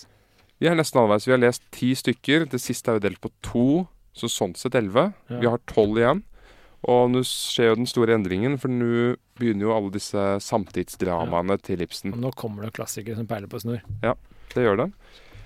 Og jeg må innrømme at jeg er veldig glad for at vi er ferdig med den første bolken, Ja. fordi eh, han Min opplevelse av disse siste stykkene er at Ibsen blir mer opptatt av å underholde. Ja. Blir litt mindre opptatt av å virke veldig dyp på disse store filosofiske spørsmålene. Mm. Og går, skjærer det ned til det rene dramaet. Mm. Fordi et dukkehjem, det er jo bare ren underholdning. Samtidig som det ikke er platt, da. Mm. Ok. Så du gleder deg nå til neste halvdel? Absolutt. Dette er vel en Ibsen du kjenner bedre fra før òg, eller? Nye, Ja, nå har jeg jo lest alt, fordi jeg, jeg, jeg, jeg las. Jeg las Der glapp du! jeg, jeg, las, jeg las disse tolv siste samtidsdramaene av Ibsen da jeg var um, jeg, hu- 16, Ja, det tror jeg. jeg. ja, nevnte det jo innledningsvis. Ja, så mm. var- Så nå har jeg faktisk lest alt. Men det er lenge siden, eller? Jeg har jo lest noen av mine favoritter siden, da. Sånn Mm. som Gjengangere og Mm. Villand og litt sånn. Men uh, Det blir litt mer symbolikk nå, har jeg skjønt. Uh, litt mer symbolisme i Ibsen nå fremover. Altså en del sånne ting en, en and, en gås eller and på loftet. Og det blir litt mer sånn symbolikk som er liksom Hvordan skal vi tolke det? det blir kanskje litt av det, men Litt det blir også sånn. veldig begrenset. da Det er liksom, det er bare den Det er det ene symbolet Ja. i stykket. Det Ja, er den den Mm. anden. Men det blir jo mye mer naturalistisk, da. Ja. Nei, det blir spennende. Jeg gleder meg til andre halvdel. Men det jeg lurte også på, var liksom sånn Har det gått inn på deg, eller du er veldig abstrakt nå? Du må åpne litt opp og dele, dele litt av Hvordan har du det egentlig med det? Oi, det, det er godt så Det er godt du arresterer meg. Nei, det er ja. Du, Hva skal jeg si du må, du må slå av telefonen din Ja, den er slått av, men den, jeg vet ikke hvordan jeg slår av duringa. Ja. Ja. Nei, jeg, si det. Jeg vet ikke. Eh, jeg har veldig vanskelig for å beskrive sånne ting i presens. Jeg er så veldig inni dette her nå at, Mm. at det blir veldig vanskelig. I eftertid kommer det til å stå så mye klarere for meg, og da kommer jeg kanskje til å gråte. Men tar, når du leser Ibsen, da, tar du det innover deg, eller leser du det bare sånn abstrakt og kaldt? Er du, na- driver du med Apollo? Er du gift med Apollon når du leser Ibsen, eller er du gift med Dionysus? Det er nok en fare for at det er litt mye Apollon. Ja. Ja, For noe av det jeg prøver å utfordre her, er jo å lese det personlig, ikke sant. Mm. Jeg syns det er mye mer interessant når vi leser sånne klassikere. Og så liksom Hva sier det meg nå? I stedet for bare sånn Hvor kommer dette fra? Ja. Det er så kaldt og upersonlig. Litt sånn som i kunsten jeg vet du er opptatt av. Den skal være litt sånn inderlig. Den skal berøre deg. Det skal være noe som treffer deg, ikke sant? som speiler seg i deg. Det skal ikke bare være en sånn idé som er helt sånn upersonlig, som vi kan diskutere. Ja, det er helt riktig. Det er, sånn, det er sånn vi må lese Ibsen. Det bør bli et forsett for videre lesning. Ja. Altså, du må virkelig gå inn i og identifisere deg med en karakter fordi den speiler noe i deg som du aldri har sett før. Jeg må jo si at med dette stykket her så var det kanskje litt vanskelig fordi Julian Han bekjenner aldri noe. Julian selv er en veldig innestengt type. Jeg opplever ham som. Jo, et par steder så sier han jo sånne ting som at uh, Nei, men han sier jo aldri Han sier jo aldri 'hvorfor ble jeg keiser', 'hvorfor gjorde jeg dette'? Det er jo aldri denne Ja. innrømmelsen. Nei, han har kanskje litt sånn sterke forsvarsmurer som ikke brytes ned. Ufattelig. er bare, Jeg kjenner meg så jævlig igjen. ja, det, er, det er faktisk noe til eftertanke, altså. Umulig å trenge gjennom Altså- hver gang han på en måte blir stilt opp til veggs, og, og, og han burde bryte sammen og si 'Å nei, hva er det jeg har gjort?' og 'Hvordan kommer vi oss hit?' og 'Vi er ved krig med Persien', og 'Jeg skulle egentlig gått i krig med meg selv', men så, men så dro jeg til Persien. Mm. Men så begynner han 'Nei, nå har vi enda et tegn på at dette går veien, og vi skal slå Persien'. Han går all opp i en rolle. Han blir på en måte fanget i et nettverk, gjør han ikke det? Mm. Han blir liksom fanga av edderkoppen og kommer seg ikke ut igjen. Han spinner eh, sine Det litt, spindelvev. ja, men det er jo litt sånn hvis du blir keiser og du kommer opp i maktposisjoner, så Jo mer svakhet du viser da, jo dårligere leder blir du, ikke sant? Slik at du må jo på en måte bare gå all in. Det er det jeg liker med Julian. At han liksom At han ikke kneler halvveis når han først har bestemt seg. Og det jeg ikke liker med Julian, er at han ikke bestemte seg for å bli filosof til å begynne med istedenfor. Tenk hvor kul filosof han kunne vært hvis han gikk så all in for det som han egentlig ville. Ja, ja. Det, for han sier jo masse bra ting i siste Mm. handling. Mm. Eller siste skuespill. Det er nesten som om Ja, så, som du sa innledningsvis, han har teorien, men han Mm. har bare ikke det praktiske. Mm. Han gjennomfører det ikke. Ja, men også er det akkurat som han litt prøver, da. Han prøver litt å gjennomføre visdomselskeren, som han sier. Og få folk til å skjønne at de kan bli visdomselskere. Og så blir han irritert, for de skjønner det ikke. Så han prøver jo å gjennomføre litt, men han blir mer og mer irritert, for han får det ikke til også. Ja, fordi han forsøker å tvinge på folk visdommen. Det går jo ikke. Nei, jeg tror, jeg, men jeg tror utfordringen vår er nå Vi må lese Ibsen med inderlighet. Døde. Vi kan ikke bare stå og se på et abstrakt maleri og si 'oi, det var interessant', og så gå derfra. Vi må se på et portrett med åpne øyne og se inn i de øynene og tenke 'hva er dette?' Uten ironi. Så må vi gråte og ikke le. Jeg skal huske på det. Og så lo- vi. Og så lo vi. Men, men, men det er et veldig godt forsett. Ja. Er helt enig at det, Ja, det det kan vi streve efter. Jeg kan begynne med det jeg sa til deg før vi begynte her i dag. Altså, jeg tror En av grunnene til at Ibsen treffer meg litt, er at jeg føler meg litt sånn som Per Gynt for tida. Ja, men det er rart, fordi du var jo så veldig Nei, du kjente deg ikke igjen i han, og, så, og sånn var det ikke. det. Ja, men jeg liker Brand. Men man kjenner seg jo igjen i Per Gynt til tider. Jeg kjenner meg litt igjen i den derre tidlige Julian til tider, ikke sant. Den derre Du driver med en ting, vil noe litt annet, vet ikke helt Du klarer ikke helt å samle deg. Nei. Og hvis det skjer veldig mye, så er det liksom Å samle seg er jo litt vanskelig. Og det er jo det Ibsen problematiserer ofte. Disse karakterene som på en måte sliter mellom valg og ikke får samla seg helt. De vil ikke med nødvendighet. Og Ja. det går igjen, det er gjengangeren sånn jeg ser det i alt vi har lest av Ibsen så langt. Mm. Det er den derre å samle viljen til der den bare må gjennomføres. Men det, men det har jeg også tenkt på. Apropos, apropos kongsemnerne med den skalden som sier til han skule du må bruke tvilen og sånn.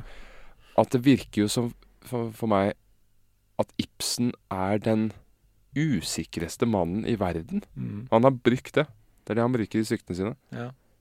Men, man snakker jo ofte om Ibsen som at han var så sikker eh, på Ja. seg selv og sånn, og det er, det er i alle fall en misforståelse. Jo, men kanskje han var kjempeusikker, hadde masse mindreverdighetskomplekser fordi faren gikk konkurs i, Kongs i Skien, og han liksom har falt i det sosiale hierarkiet, og så har han bygd seg sakte, men sikkert opp igjen. Og så var han jo kjent for å være litt sånn inneslutta og sær, og veldig sånn intern og holdt seg til kona og Sigurd, sønnen sin, og liksom Han var ikke veldig sånn utadvendt på mange måter. Han satt på fest bare i et hjørne for seg sjøl og sånn. Så kanskje det er en måte å hindre at den usikkerheten slipper ut. At du fremstår som litt sånn orakel som bare sitter her og er klok, men så sitter du egentlig bare og nekter å vise din egen usikkerhet. Ja, er- men han, han bruker du, da. Ja, ja. Så, Så- slipper han ut i, det, i, skri, i skriveriene sine. Interessant ja, psykologisk analyse.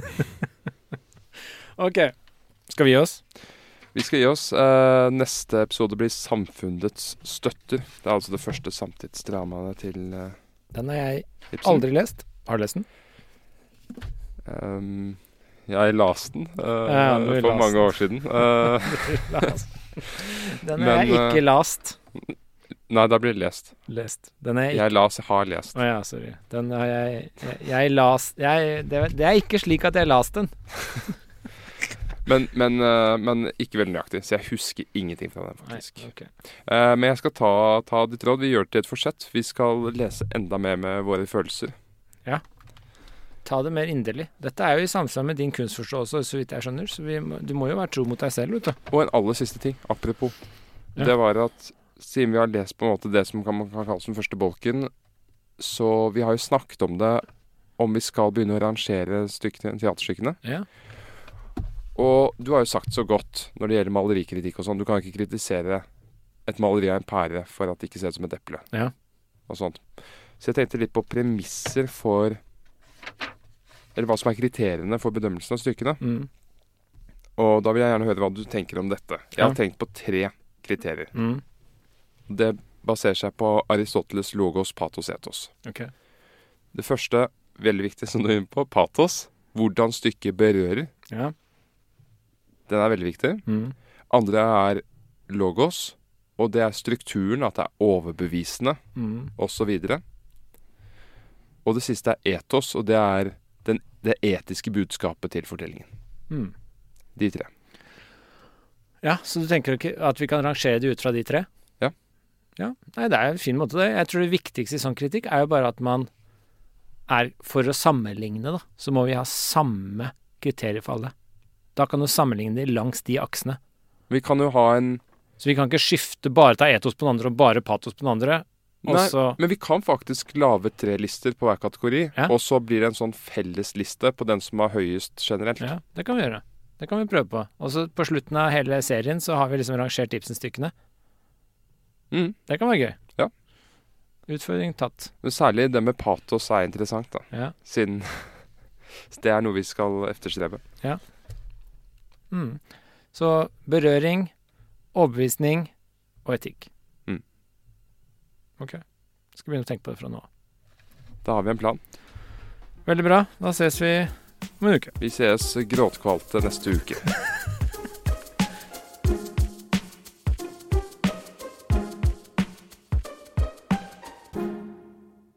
Produsert av Klinge.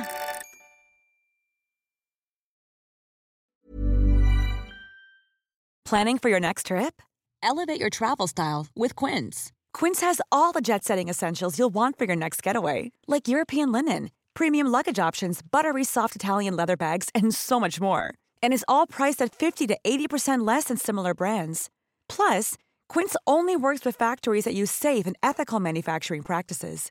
Pack your bags with high-quality essentials you'll be wearing for vacations to come with Quince. Go to quince.com slash pack for free shipping and 365-day returns.